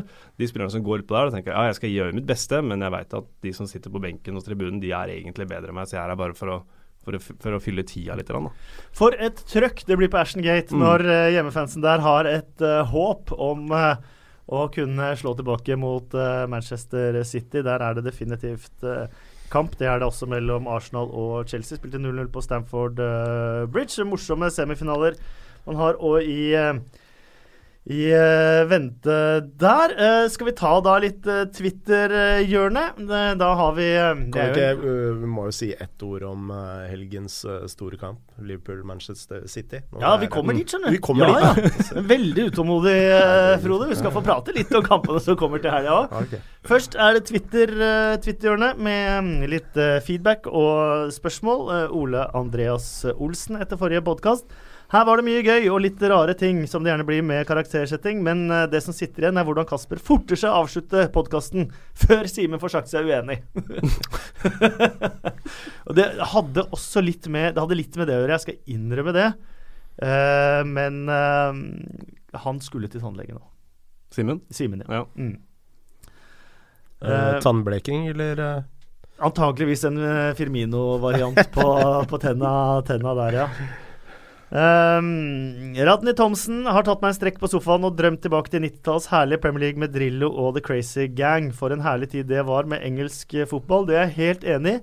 Hvis du ikke har hørt Drillo-podkasten, så uh, hopp på den. Um, skal vi se her hva vi har flere av uh, Vi har jo ikke snakka om, og da er det veldig bra at Torleif Arnesen er på ballen, fordi Coventry slo Stoke. 2-1 mm. i FA-cupen. Eh, for de som kjenner meg, så vet de at Mark Robins er en av de personene som ligger nærest mitt hjerte. uh, Mark Robins som reddet eh, jobben til sir Alex Ferguson i sin tid. På assist fra Mark Hughes? Sammen med Mark Hughes, ja. Mm. Så var det Mark Robins som kostet Mark Hughes jobben, jobben mm. denne gangen som manager for Coventry. så da spør Torleif Arnesen hvem tar over Stoke? Det er vel Martin O'Neill som er uh, fremst i rekka nå, uh, har jeg skjønt. Er det han man vil ha? Uh, ja, det er vel Det er vel et annet spørsmål. Men han har jo erfaring og sånne ting. Er så at Graham Potter har vært nevnt. Graham Potter blir nevnt, nevnt alltid, han òg. Ja, og det er jo litt morsomt. Graham Potter, spilt for The Potters, skal kanskje ta over The Potters. Ja, ja ok. og han spilte Dårlig, dårlig ordspill, slutt. Nei, men han spilte jo også den 6-3-kampen til Southampton mot Manchester United. Ja, man nevner hvor han er trener nå, da. Ja. Han er trener i Østersund. Tatt Østersund fra fjerde nivå til toppen av svensk fotball til Europaliga-avansement. Mm. Skal møte Arsenal eh, i neste runde 15.2. Mm. Eh, Emirates tar flere tilskuere enn det bor mennesker i Østersund. Mm. Og jeg så Østersund tvitra nå om at de har to meter snø der. Så det er bare velkommen, Arsenal. Men uh, Martin O'Neill, uh, det er jo uh, Altså Hvis vi ser på Crystal Palace og Everton, som har bytta mm. manager, så har det jo vært managere med 100% fokus på defensiv og orientering. Og det har jo virkelig betalt seg. Crystal Palace har, har vi ikke tapt på 10-11-12 kamper. Uh, Everton har jo virkelig klatra. Niendeplass uh, uh, Niendeplass nå. Mm. så jeg, jeg, tenker jo, hadde jeg vært eier, da, så hadde jeg jo liksom Altså, se hva er det som fungerer nå? Mm. Hva er som Det er en, den type uh, trener som mm. Martin O'Neill. Mm. Men da er det jo tilbake til Stoke uh, uh, under Pulis. Slutt på Stoke Alona. Ja, ikke sant. Uh, og, og, det som taler mot, å se på troppen til Stoke. Så ja, de har, altså de har jo gode forsvarsspillere, men nå er jo veldig mange av dem ute med skade. Og det var vel kanskje også litt av banen til Mark Hughes. Mm. Men de har jo utrolig mye sånne nesten primadonna-spillere. Uh, så um, jeg tror kanskje det er litt lengre vei til mål der enn det det var i Crystal Palace og Everton. Mm. Bojan vil gjerne tilbake til Stoke, leste jeg, nå som Hughes var borte, mens Jesse da er på vei vekk igjen. Um, Cornelius Bassø spør uh, Burde Liverpool betale 10-15 millioner pund mer for Keita for å få han nå i januar. Jeg svarer ja. Ja, hvis, hvis de kan, da. Hvis, Mm. hvis uh, Rasenballsport vil. Så Leipzig. Ja. Ja, altså, det er jo et eh, enkelt uh, regnestykke. Mm. Altså, nå er de 44 poeng på Champions League. Uh, tre poeng. Uh, altså, nå veit jeg at det er veldig mange som er imot å tenke sånn som din kollega Erik Thorstvedt. Og mitt uh, keeperforbilde. Altså, han er eh, veldig imot å sånn, regne spillere opp mot poeng. Uh, men uh, likevel, jeg liker å gjøre det. Uh, det- kan fort være at eh, den overgangen eh, eh, gir Liverpool eh, tre, seks, Mm. kanskje ni ekstra poeng, da. Mm. Eh, og da er jo de eh, penga verdt det. Mm. Eirik Svedal uh, spør Hvem har Huddersfield henta i Alex Pritchard? Um, det kan jeg svare litt på. Uh, de har henta en magisk fotballspiller som var uh, kanskje Norwich eh, beholdning forrige sesong. Vært skada mesteparten av denne sesongen, men når han har kommet tilbake, så har Norwich begynt å skåre litt mål og vinne kamper igjen. Mm. Eh, har et eh, herlig skudd, gode avslutninger, god teknikk, godt overblikk. Han har det meste. Han har prøvd seg i Premier League før uten å lykkes. Mm. Jeg tror nå er tiden for han å lykkes i Premier League. Og han har en kreativitet som Huddersfield har mangla. Huddersfield har mye trøkk, mye eh, av det. Mangla den, den kreative kraften da, eh, offensivt. Der tror jeg Alex Pritchard kan komme med. Og så, mot Brighton forrige sesong, så sto han jo også for den prestasjonen med eh, Alex McCarty, som sto for eh, Brighton, vel? Var det McCarty? Nei, det var David Stockdale som sto for Mm. Brighton. Eh, som skåra to selvmål i samme omgang. Fordi Pritchard skåra skjøt i tverrlegger to ganger i ryggen på Stockdale, og Norwich vant uh, 2-0. Uh, men eh, Men sist, Stort men, tap for Norwich, men Norwich har jo James Madison, eh, som eh, kanskje er faktisk hakket bedre. og sist, men ikke minst, eh, nå kommer han jo endelig til en ordentlig klubb. Og Ja. det skal man ikke undervurdere. Men uh, skada hele, skal han ha vært skada hele høst? Hele høst var han ja. skada. Og så skal han nå inn ett nivå opp. Ja, men han har spilt nå de siste måneden, drøye Ja, okay. måneden. Ja, da, og han har ja. spilt seg ordentlig fin og varm i, i form også, selv om Fem eh, millioner eller noe, var det det? Fem millioner pund? Nei, det, det tror jeg de bare lo av der. Okay. Jeg tror nok vi snakker eh, Var det 12 det siste jeg 12, så? Håpe 15. Ja. Jeg syns fortsatt det er 10-15 for lite i, i dagens eh, marked, men sånn eh, eh, Sånn er det. Uh, eh, hvem, Rikard Mathisen spør hvem ser dere på som den beste signeringen Liverpool må gjøre nå for å erstatte Coutinho? Ja, det er jo spørsmålet Altså Er den Altså, det, dette var vi jo inne på tidligere. Eh, er det riktig bruk av penger å erstatte Coutinho i den posisjonen?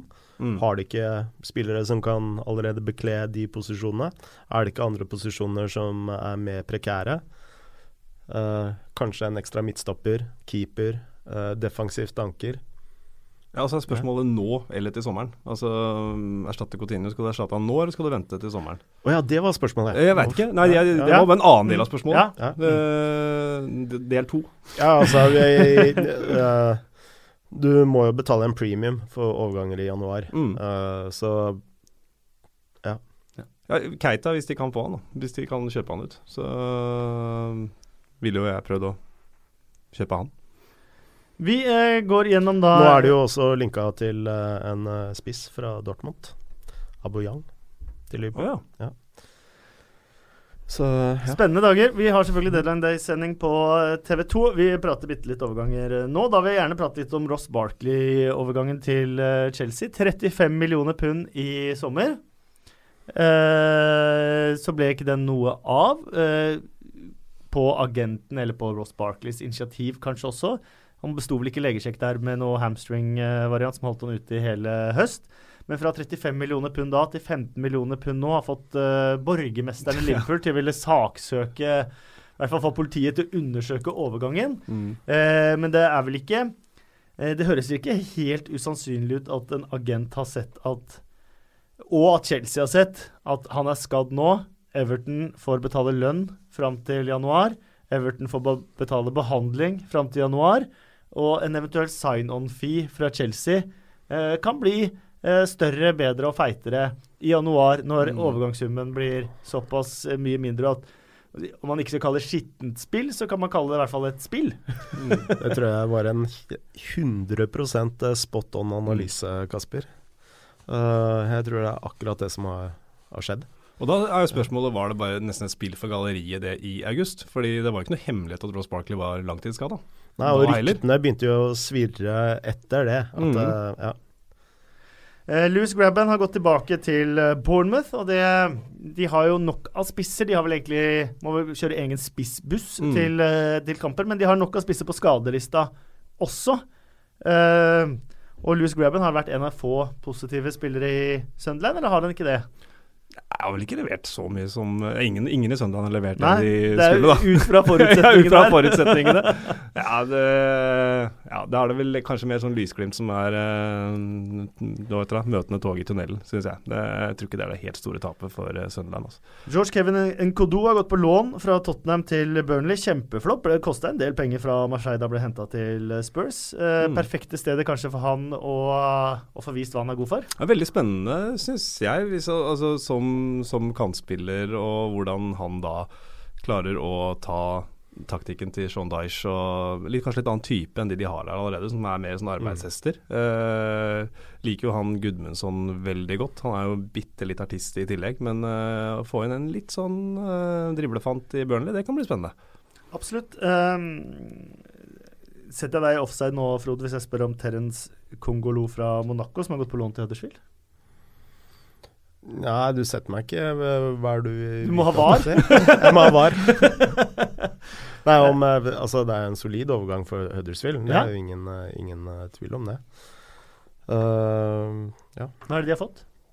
ja, de har fått en god, god spiller. Jeg foreslår VAR.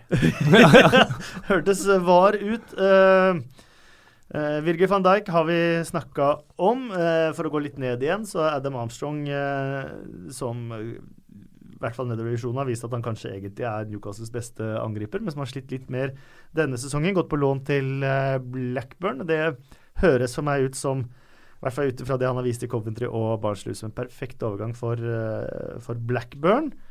Um, nå ser jeg jo at uh, Pritchard kanskje ikke er 100 bekrefta innen vi uh, kom på lufta her nå, men det ser ut som den kommer til å bli uh, bekrefta. Så det er vel egentlig det er noen overganger jeg har glemt nå, da. Coutinho ut, selvfølgelig. Vært gjennomsnakka det. Jeg vil gjerne han hadde lang sånn kjærlighetserklæring til, eh, til Liverpool og fansen og sånn. Ha det bra. Og det er selvfølgelig at det er følelser involvert. Jon Arne Riise fikk masse pepper på Twitter da han ønska Coutinho alt godt der. Eh. Men den avskjeden til, eh, til Coutinho med mm, Jeg skjønner jo at det blir også følelser når det er en spiller som nekter å spille fram til overgangen Mm. er i orden. og sånt, og Det er ikke måten å gjøre det på. Og så skrev han også uten dere så hadde aldri mine drømmer blitt oppfylt eller et eller annet. Og så kan du da eh, være Skal jeg prøve å være djevelens advokat her? Eh, sier han egentlig at uten dere så hadde jeg aldri kommet meg til Barcelona? For da er det ikke, Nei, da er det ikke en veldig eh, kul, eh, kul setning likevel. Men eh, når vi er inne på klasseavskjeder, da, altså avskjeden uh, Klopp skrev, den var jo Mm. eh, klasse. Mm. Eh, og det er jo ingen tvil om at eh, eh, jeg var litt tidlig ute og, og satt dette på konto for amerikanske eiere. Uh, og der bomma jeg jo grovt. Uh, altså De gjorde jo det de kunne for å beholde Coutinho, og uh, han ville jo rett og slett ikke. Mm. Og, men det man skal Altså Selvsagt, Barcelona er en av verdens beste klubber. De spiller en attraktiv type fotball. Men man må også huske på, for brasilianere, da, Mm. så er spansk fotball er jo mye større enn engelsk fotball. Uh, for oss så uh, så, så Liverpool uh, Forskjellen mellom Liverpool og Barcelona er større da, for Mm. brasilianere enn det det er for oss nordmenn. Mm. Um, det var overgangene. Um, Ah, Coquelin, Valencia. Coquelin Valencia. Valencia, det var vel uh, like greit. Han har spilt uh, ca. halvannet minutt denne sesongen og var vel også innsett han er kanskje ikke Nei. spilleren. Og apropos det, så må vi ta to ord om Jack Wilshere. De anklene hans uh, hinka av gårde i går.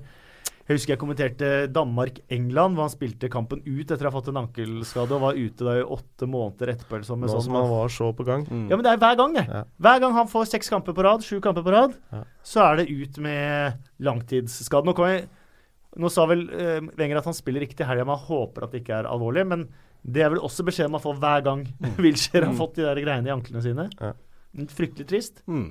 Det er rett og slett Det er jo øh, og det, det er jo det er en sånn fi, nydelig historie, syns jeg. Altså, Går til Bournemouth i fjor, og det er egentlig bare sorgen, og så kommer du tilbake og klarer å krige deg inn, og så er det rett ut igjen. Det er jo Som Arsenal-fans må det være fryktelig frustrerende. Og, som Han har jo vært briljant. Ja, han har vært dritgod, Mm. rett og slett. Eh, vi går på runden som eh, kommer til helga. Begynner på Chelsea-Leicester, som er første kampen vi viser på lørdag. Leicester med én seier på siste sju nå. Og det er det er så rart, for jeg føler liksom at Leicester gjør det bra. Altså, selv om de kanskje ikke har én seier på siste sju. Det er sånn det, Da tar vi med cupkampen nå. Ja, ja. Ja. Men allikevel. Altså, jeg syns jo at Leicester har vært gode og um, skårer fine mål og, og mye sånt, men så glemmer jeg at ja, det var bare den seieren mot Huddersfield, ja. ja. Men altså den kampen, altså lille julaften mot uh, Manchester United, det er jo nesten en seier. Den uavgjorte der. Uh, vi kan ta med den. Uh, interessant å se hva, hva slags lag Chelsea stiller, da. Uh, I den matchen, i og med at de kjørte fullt maskineri uh, i Liacupen mot Arsenal i går. Men eh, altså, de har hatt eh, Liverpool, Manchester United, City eh, Mm, ja. Så det er eh, et hardt program. Hardt program, ja. Og derfor så, og nå Chelsea. Så, Men derfor syns jeg også de har vært bra, da. Selv Ja. om de ikke har tatt mye poeng. Jeg var jo da og fikk se Adrian Silvas, Adrien Silvas eh, aller første start for Leicester live. Eh, jeg syns ikke han så så mye bedre ut enn uh, noe av det Fleetwood hadde, hadde å by på. Uh, men det selvfølgelig var kanskje ikke Dere venta et halvt år fordi at eh, overgangspapirene ble sendt 14 sekunder for seint. Ja. Og så kommer du da til La han få litt tid. Altså, den tabben der har jeg gjort Det var ikke Fleetwood han venta på i det halvåret. Jeg hu hu- husker jeg var og så Morten Berres debut for Vålerenga. Mm. Eh, og da var vi en eh, god kompisgjeng på ja, fire-fem stykken. Da. Og da klarer jeg å si til uh, han Morten Berre Han kommer ikke til å få mange kamper for Vålerenga. så den tabben der uh, Ja. Vi gir i, i tillegg da en stor fjær i hatten til, uh, til Leicester, som har gitt han selvfølgelig nummer 14 på, på ryggen. Eh, det syns jeg er klasse etter at han ble sendt eh, 14 sekunder. Og det bringer meg litt over til eh, Bristol Citys eh, uh, Bristol Citys eh, midtbanespiller Marlon Pack, uh, som har nummer 21. Jeg mener jo det naturlige nummeret bakpå der burde vært en sekser. Var den for bløt? Nei, litt bløt, men det hadde det vært Jeg lo inni meg. god- Ja, jeg lo inni meg. En god markedsavdeling ville jo ha hatt eh, nummer seks-pack. Ja, det er for så vidt sant. Hvem var det Ja, hva var det der derre Mambo number five? Ja, Mambo nummer five. Ja, han ble bytta til har de eh, bytta? Ja, de bytta, ja. ja. De ser jo markedsverdien i det. Jeg tror vi har solgt mange drakter okay. med sixpack. um, du har andre kamper også Tenkte du på lørdag. ølen eller magen? Eh, Hæ? Tenkte du på ølen eller magen? Ja, Det kan man jo velge litt Mm. selv, da. Eh, hvis du i tillegg da klarer å lande en uh, sponsoravtale med Carlsberg eller et eller annet, mm. så er det jo, uh, har du jo vunnet. Nå er det jo bare sånne spillebyråer, hva heter det, spillselskaper, Mm. som dominerer. Eh, Newcastle, Swansea, Huddersfield, Westham, Crystal Palace, Burnley, Watford, Southampton og West Bromwich, Brighton er de kampene som spilles også lørdag klokka 16.00. Noen som har noe, noe de veldig gjerne vil melde om noen av de kampene? Eh, Crystal Palace Burnley, det, øh, den kampen er jeg litt spent, eh, spent på. Altså det, den, den høres jo en sånn typisk uh, få mål eh, Mm. ut, men det er jo ofte de kampene som eh, eh, eh, kommer til å Altså de tette oppgjørene som plutselig eksploderer litt. Og jeg må jo si jeg er utrolig imponert over Roy Hodgson. Altså, mm. det ser utrolig solid ut uh, nå. Altså Det tok tre-fire kamper før, den, før, før han fikk ordentlig orden på dem, men nå ser det ut som et uh, Ja, det ser ut som et ordentlig lag. Kveldskampen på lørdag er Tottenham-Everton. Det er nesten litt sånn kamp man får litt vann i, i munnen av. det. Uh, og kanskje vi får debuten til Jenk Dosun. Ja, spissen eh, Everton forhåpentligvis har mangla. Ja, det Eh. tror jeg. Det, det har jeg så utrolig mistanke om at han faktisk er. Og han har liksom de kvalitetene de har mangla. Han har kraft. Han er en å, å, å spille på hvis det kommer til innleggssituasjoner. Han kan holde opp ballen. Um, og jeg, nå, og nå har Calvert Lewin faktisk imponert meg på alle de frontene der. Og jeg tror til og med jeg så en statistikk om at Calvert Lewin er den som vinner flest hodedueller i, i uh, Premier League òg. Mm. men jeg tror kanskje Cenk Dawson, Jenk, uh, kan være litt den mangler puslespillsprikka framover. Everton har jo ikke vunnet mot Tottenham, eh, i hvert fall på de siste fem, eh, fem eh, kampene. Og det er en, altså en tøff kamp å debutere i som spiss. Ja, og så er det varsko fordi Westham spiller borte, og da skårer visst Harry Kane mål. Ja. Det er en sånn uh, ja, det er en morsom Ja. statistikk. Uh, Lurer på om Ole Martin, jeg synes det var fantasy-basert. Ja, ja. da Men uh, de gangene Westham spiller borte, da skårer Harry Kane uh, Han skåra to mot eh, Wimbledon da Western spilte borte mot Shrewsbury. Senest nå ja. i helga. Ja. Også et uh, lag med en ny manager uh, som uh, begynner å få virkelig orden på det defensive. Selv om jeg syns Everton har kanskje hatt litt mer flaks eh, bakover. Og nå vinner de jo ikke kamper heller. Nå har de vel ikke vunnet på siste fem eller noe. Ehm, vi pleier å få mye tilbakemelding på Twitter om vi ikke prater om, om Tottenham. Eh, så vi må si uh, to ord om, uh, om Tottenham nå også. fikk en veldig grei gjennomkjøring mot, mot Wimbledon. Det var jo ikke overraskende. Wimbledon fikk antageligvis en del penger i kassa. Det er Mm. gledelig. Uh, uh, Del Alli, han er veldig opp og ned. Harry Kane er stort sett opp. Stort sett, stort sett opp, ja. Og jeg tror det der er en kamp Tottenham vinner. Eh, hvorfor? Eh, Men er jo ikke de Deli Alli litt på gang igjen? Jo, jeg syns Altså, det. jeg, jeg merker at det, altså han eh, Altså det han, Du har vel også hatt han GM Ballagé på besøk her, og han nevnte jo Ikke podkasten hvis noen begynner å lette. Ikke podkasten, Nei. Ah, ok. i hvert fall på besøk i Josimar sin podkast, og jeg veit ikke om han sa det på podkasten. Den kan man begynne å lete etter. Ja. Ja. Uh, at um, uh, Deli Alli uh, virka litt mett, og Mm. at uh, Pochettino hadde måttet bruke mye energi på Deli Alli både preseason og etter sesongen uh, kom i gang, uh, Mm. fordi han hadde uh, nådd et uh, slags platå, virka ikke like sulten. Mm. Uh, og har snakka om eh, Real Madrid og ja, altså, i det hele tatt. da. Så jeg har brukt utrolig mye energi på uh, Deli Alli, og det ser ut som det begynner å lys løsne litt nå. Kan Harry Kane være klubbspilleren som blir i Tottenham hele karrieren? tror jeg er veldig avhengig av uh, om man klarer å beholde de andre også. Eh, Og så er han vel ikke topp 30 på best betalte spillere i Premier Nei, men det er ikke snakk om at de skal uh, sprenge Ja. den lønnsstrukturen sin da, for Harry Kane. Og så er spørsmålet om de andre godtar at man gjør det bare for Kane, eller om da Det tror jeg ikke de gjør. Så da er uh, Lønnssnittet Danny Rose får noen problemer. Ja, Danny Rose får veldig problemer, for han, han lengter hjem igjen. Da vil han hjem til Leeds uh, nordover. Men eh, lønnssnittet i Tottenham er vel det desidert laveste av uh, topp seks eh, klubbene i, ja. eh, i Premier League. Så på et eller, annet, eh, et eller annet tidspunkt så må de jo gjøre noe med lønnsstrukturen sin for å beholde de beste spillerne. Altså nå, Jeg kjenner jo ikke Harry Kane, uh, men han virker jo som en eh, type som kan være en Ja. sånn slags uh, klubbspiller. Mm. Uh, Ja, han hadde jo Skal ikke glemme hvem som utvikla han til å bli den toppspissen han er. Han var i Arsenal, var han ikke det? Nei, han var i, han var i Nor Norwich. Norwich? ja. Ok, Nei, det, Noe av det mest fascinerende, faktisk. fordi at uh, Norwich rykka ned fra Championship for ja, nå begynner det snart å bli ti år siden. Med 23 lånespillere hadde de innom uh, totalt.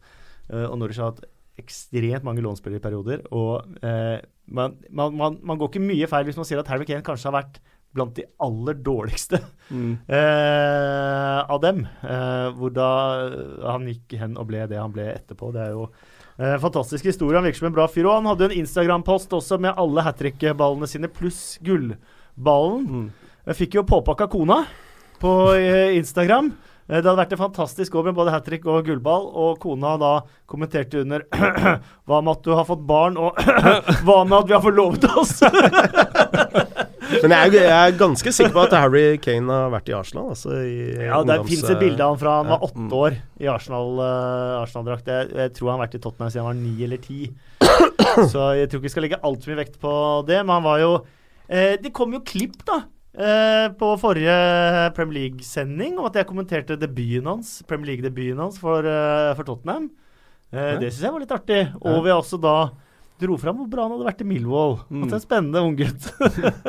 Men jeg, altså, hvis noen skal være den one club man, da, så er det Harry Kane, tenker jeg. Det er uh, Han genuint elsker den klubben og gjør det så bra der når de skal til ny stadion. nå. jeg tror, så det er på en måte Det skal veldig mye mer til for at han går, da, enn at uh, noen av de andre der Dette er jo litt på sida, eh, eller det er jo veldig på sida.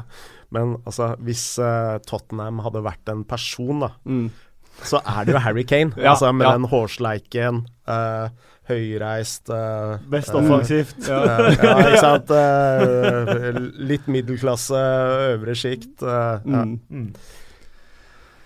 Eh, ja, uh, vi har jo videre da. Det er jo kveldskampen på lørdag. Så kjører vi i gang med Bournemouth Arsenal på søndag. Det hadde jo vært en fryktelig morsom kamp om, uh, med, med Jack Wilshere, da. Mm. Men nå har jo Arsenal litt press, presset på seg der, og det har jo på mange måter Bournemouth også, som jeg føler har fått dårlig betalt ut ifra spillet sitt. Og Bournemouth har vel sånn tradisjonelt hatt et Om ikke et overtak. Uh, altså, det har vært ganske tett oppgjør. Mm. Uh, for- ja, altså, jeg, ja. du, jeg kommenterte jo den onsite jeg i fjor. Det var jo en helt vanvittig match. Eller nei, altså de, det var vel bare for Altså Ja. to kamper siden, det var 3-3. Ja, jeg var der. Det var det jeg skulle fram til. Ja. For der var jeg uh, og kommenterte, og Bournemouth leda 3-0 Ja. med et kvarter igjen. Eh, stemmer det, og ja. så kom tre Arsenal-mål eh, Det var en tidlig søndagskamp, var det ikke? Nei, det var mørkt. Og det var kaldt. Ja, det var. Og det var januar eller et eller annet sånn. Jeg frøys, jeg frøys altså så fælt. Eh, det er mange som tror at eh, man sitter inne i komfortable kommentatorbuer i England når man kommenterer. Eh, det gjør man altså ikke. Ofte sitter man oppunder taket hvor det blåser sånn ordentlig. Og mellom minus to og pluss to i England, det er altså er så, så kaldt. kaldt. Og i tillegg må man pynte seg. Mm. Man må sitte med dressen og myggjagra. og det er ofte så fryktelig kaldt, og da men frøs jeg fælt. Men som god nordmann så har du vel eh, lang eh, stillongs og Jeg, br jeg bruker faktisk ikke stillongs. Jeg må bare Til det har jeg bare én ting å si, Kasper. Amatør. Eh, Men det var en fantastisk eh, kamp. Giroud fikk jo da kritikk for at han feiret 3-3-målet framfor å jage på eh, 4-3-skåringa. Ja, da leter du etter feil, altså. Ja. Ja, da, da kan du ikke vinne. Men, nei, du får ikke lov til å juble. Du jubler for mye. Nei, du har akkurat ut er tullball. Og jeg da intervjua uh, Charlie Daniels etter match, Uh, som skåra mål, spilte fantastisk kamp, hvor uh, han er Tottenham-fan. Mm. Og halve familien hans er Tottenham-fans, men andre halvdelen er Arsenal-fans. Så for han så blir det en spesiell kamp igjen, eh, den eh, matchen der. Arsenal litt under press nå. Og, Men det som er praktisk med, med at han skal til Bournemouth nå, er at han ikke fikk stadium-band. Han får lov til å være på stadion. Eh, og den arenaen er altså så liten. Den tar 11 000 tilskuere. Det er massevis av tippeligaarenaer som er større enn uh, stadion der. Så han kommer uansett veldig nære benken. da. Mm. Mm. Han, trenger nesten ikke telefon, han kan sitte og rope rett bak. For det er ikke du- så ja. mange seterader her. Eller så har han Jens Lehmann ved siden av seg som kan gi beskjeder, så det, det ordner seg. Og gartneren! Han fikk jo gartneren ved siden av seg i fjor. Nei. Eh, og gartneren hilste, visstnok. Ja. Eh, og Wenger kjente han ikke igjen. Nei. Nei. Ja, men eh, det ble en hyggelig historie eh, etterpå det, da. Um, Liverpool, Manchester City, 17.00 på søndag. Ja, det er vel uh, eh, selvsagt uh, store høydepunktet Ja. denne runden her. Uh, kan jeg spørre hvem skal kommentere kampen?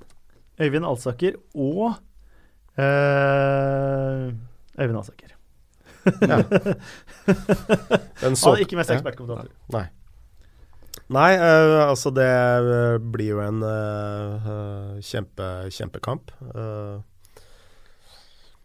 Alt ligger jo til rette for masse mål, altså, Altså, sånn i utgangspunktet. Ja, men uh, vi snakka tidligere om uh, lag som har tukta uh, lagene til Manchester City, om presshøyde. Og er det noen som Altså nå Altså Liverpool under Klopp er jo ikke det samme som Dortmund un under Klopp, som var ekstremt med, med høyt press og pressfeller og sånn, men likevel, altså Liverpool er jo et høytpressende lag. Eh, så jeg er utrolig spent på den der taktiske duellen mellom de to.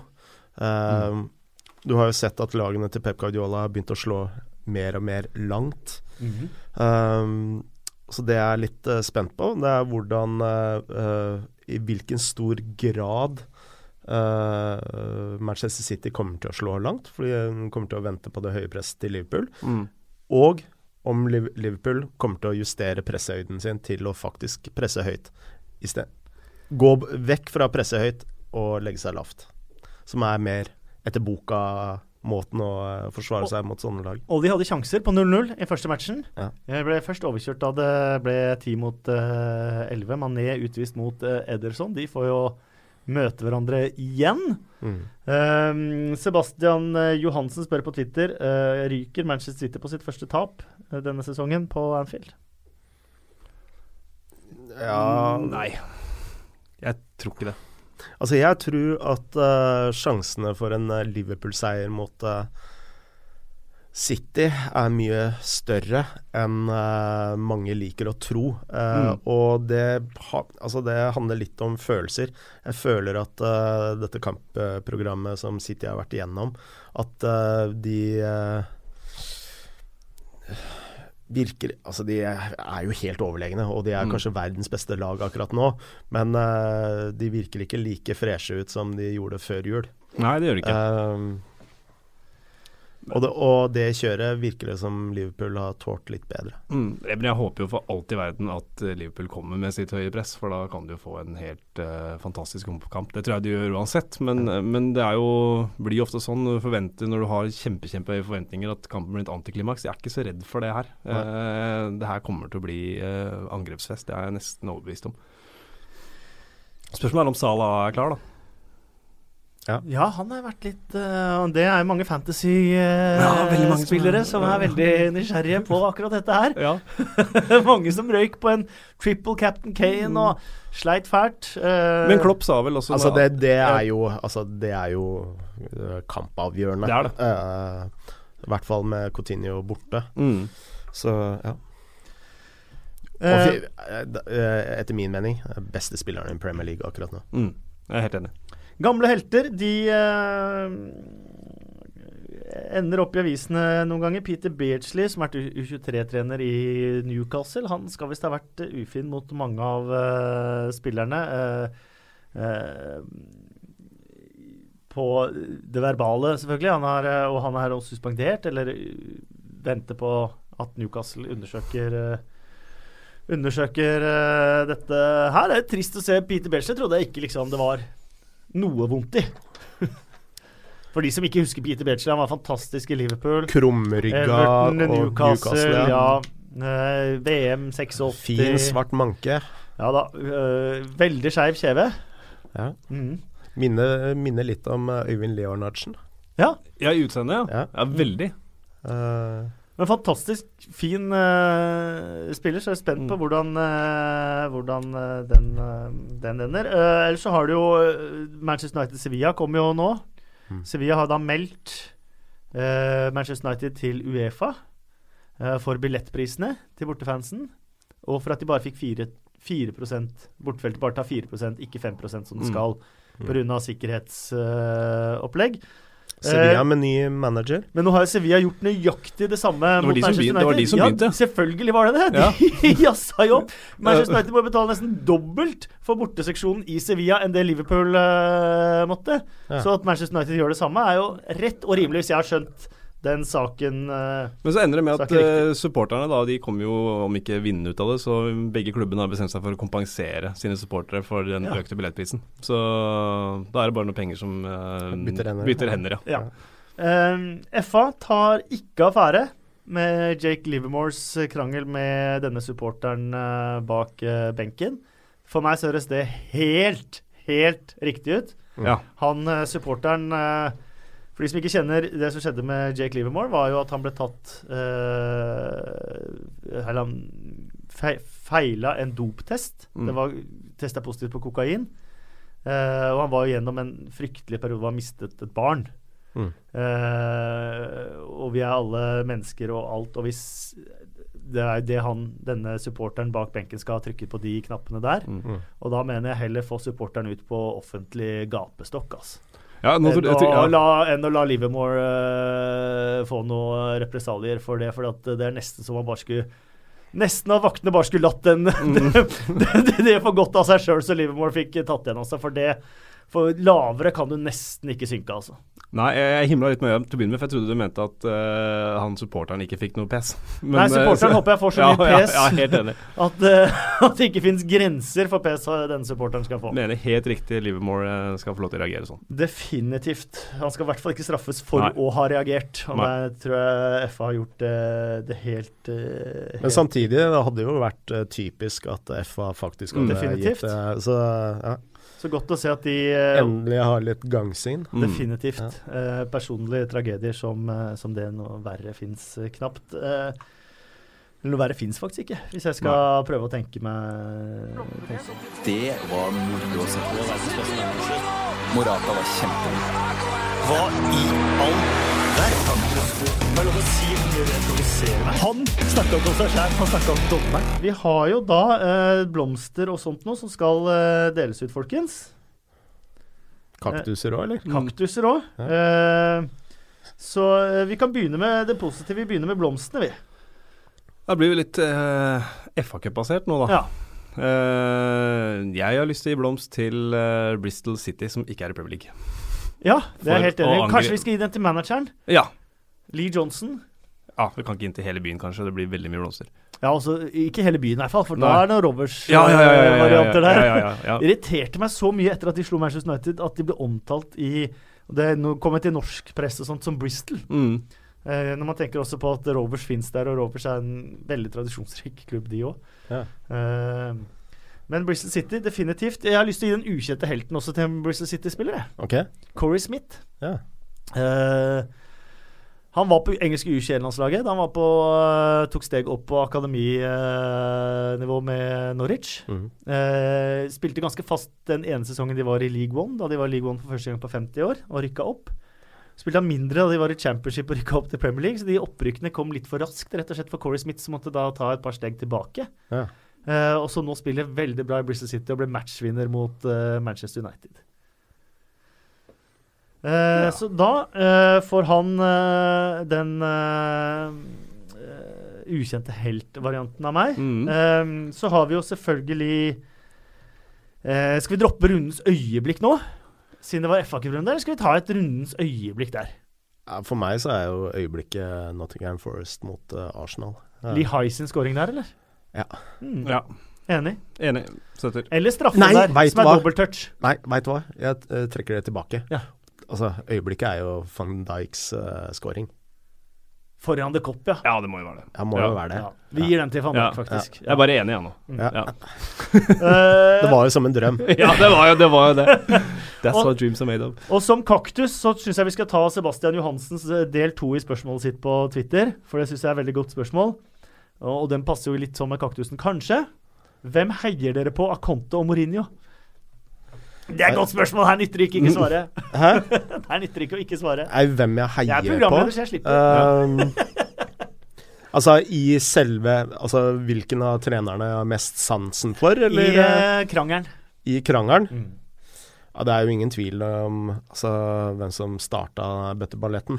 Eh, men jeg eh, Altså, det som er så vanskelig med å, å ha Premier League kontra uh, tippeligaen, da. Det er sånn Tippeligaen, du, uh, vi som jobber i pressen, vi veit stort sett hva som skjer bak kulissene. Mm. Men på Premier League så uh, veit vi så lite hva Ja, som egentlig har skjedd. poeng, Så eh, for alt vi veit, så har eh, Conte og Mourinho hatt en beef eh, helt siden Italia, ikke sant, som eh, eh, ikke har kommet til eh, overflaten. Og, og eh, altså, skal jo over, altså Alle de du tror er de største rasørene, er plutselig de snilleste, og Mm. de snilleste er eh, eh, ja, jeg husker du fortalte meg om Brendan Rogers som helt håpløs uh, uh, kar å intervjue. eh, og han så, har jeg bare sett på som en sånn snill onkel.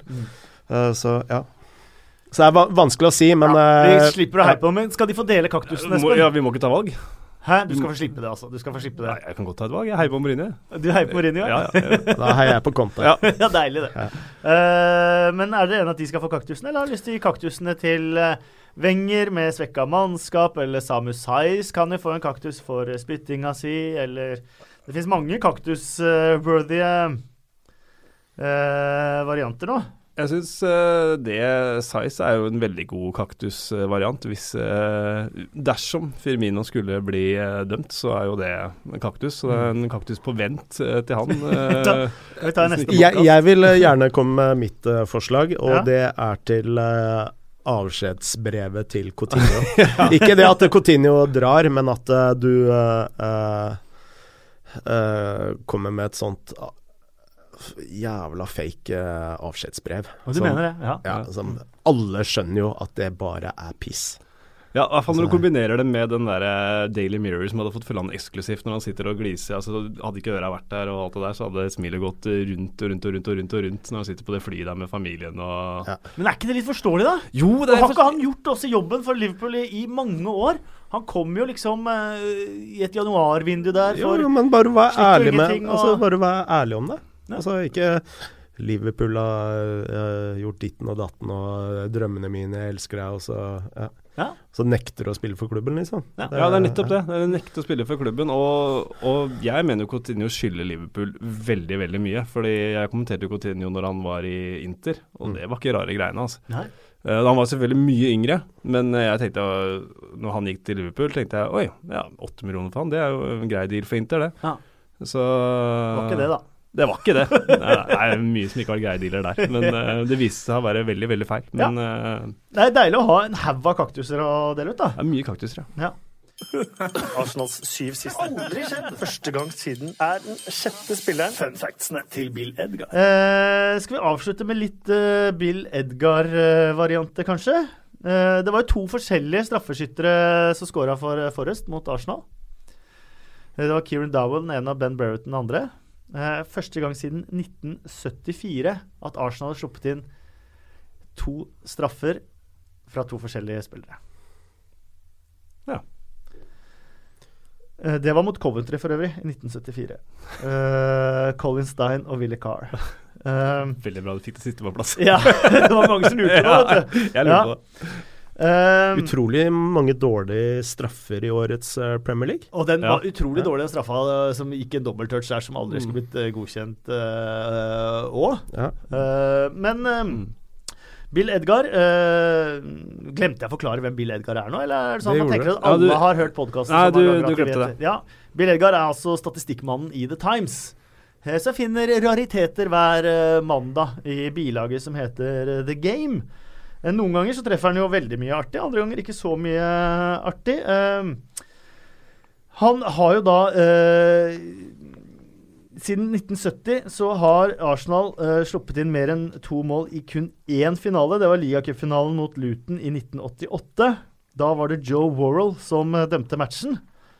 Og Nottingham Forest har jo da en Joe Worrell.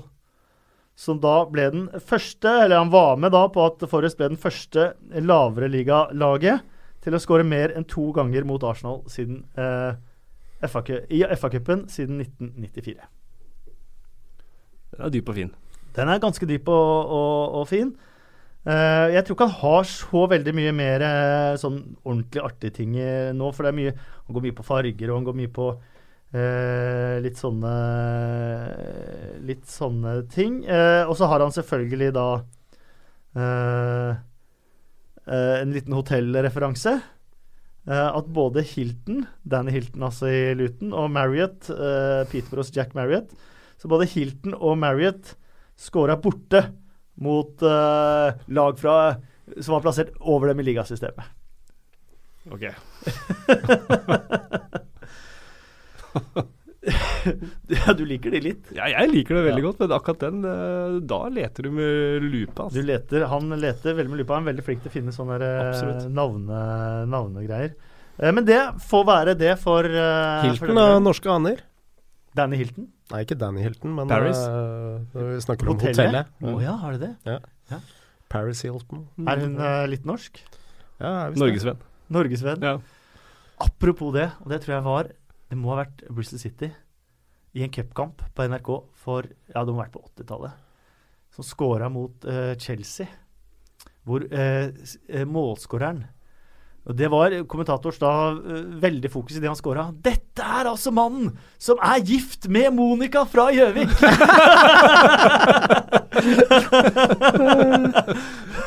Så provinsielle er vi ikke nå lenger. Verden har blitt mindre siden, eh, siden den gangen. At en lavere liga-målskårer var gift med en, en, en, norsk kvinne. Eh, Det får bli siste ord fra denne gangen. Vi minner om tilbakemeldingshjørnet på Twitter. 2PL-pod heter vi på Twitter. Bruk eh, gjerne hashtaggen også 2PL-pod hvis du skal tvitre om podkasten. Både spørsmål og tilbakemeldinger på episoden tar vi imot eh, med takk eh, der. Så tar vi med det i Twitter-hjørnet neste uke. Beklager at denne podkasten kommer et par dager for sent. Lover å være tidligere på ballen neste uke. Da kommer den på tirsdag igjen. Um, takk til Moderne Media som har eh, lagd denne episoden, og takk til Kim. Du må si noe, Kim. Hva jeg skal si? Bare vise at du er der. Hei. Kim er det som har lagd episoden eh, for Moderne Media. Og så er det selvfølgelig eh, veldig kult om du gir oss stjerner og kommentarer på eh, iTunes. Tusen takk, Frode. Veldig hyggelig, eh, Kasper. Eh, Det var det. Ja. Og gå inn på Finn Jossimar sin podkast også, hvis du uh, føler du har mer behov for podkaster og ikke har kommet deg helt hjem på denne podkasten, selv om den ble en time og halvannen time over det, kanskje. Så Eh, kan jeg, jeg, jeg, må, må, altså Hvis jeg eh, hørtes litt utålmodig ut, så har jeg vært så tissetrengt Og du har det, ja? eh, siste timen. Eh, ja. Du har klart deg bra. Eh, du skal få løpe til å tisse. Det skal du også få, Espen. Ja, det tusen takk for at du var her. ja, tusen takk for at jeg fikk komme, Kasper. Og tusen takk til deg som uh, hørte.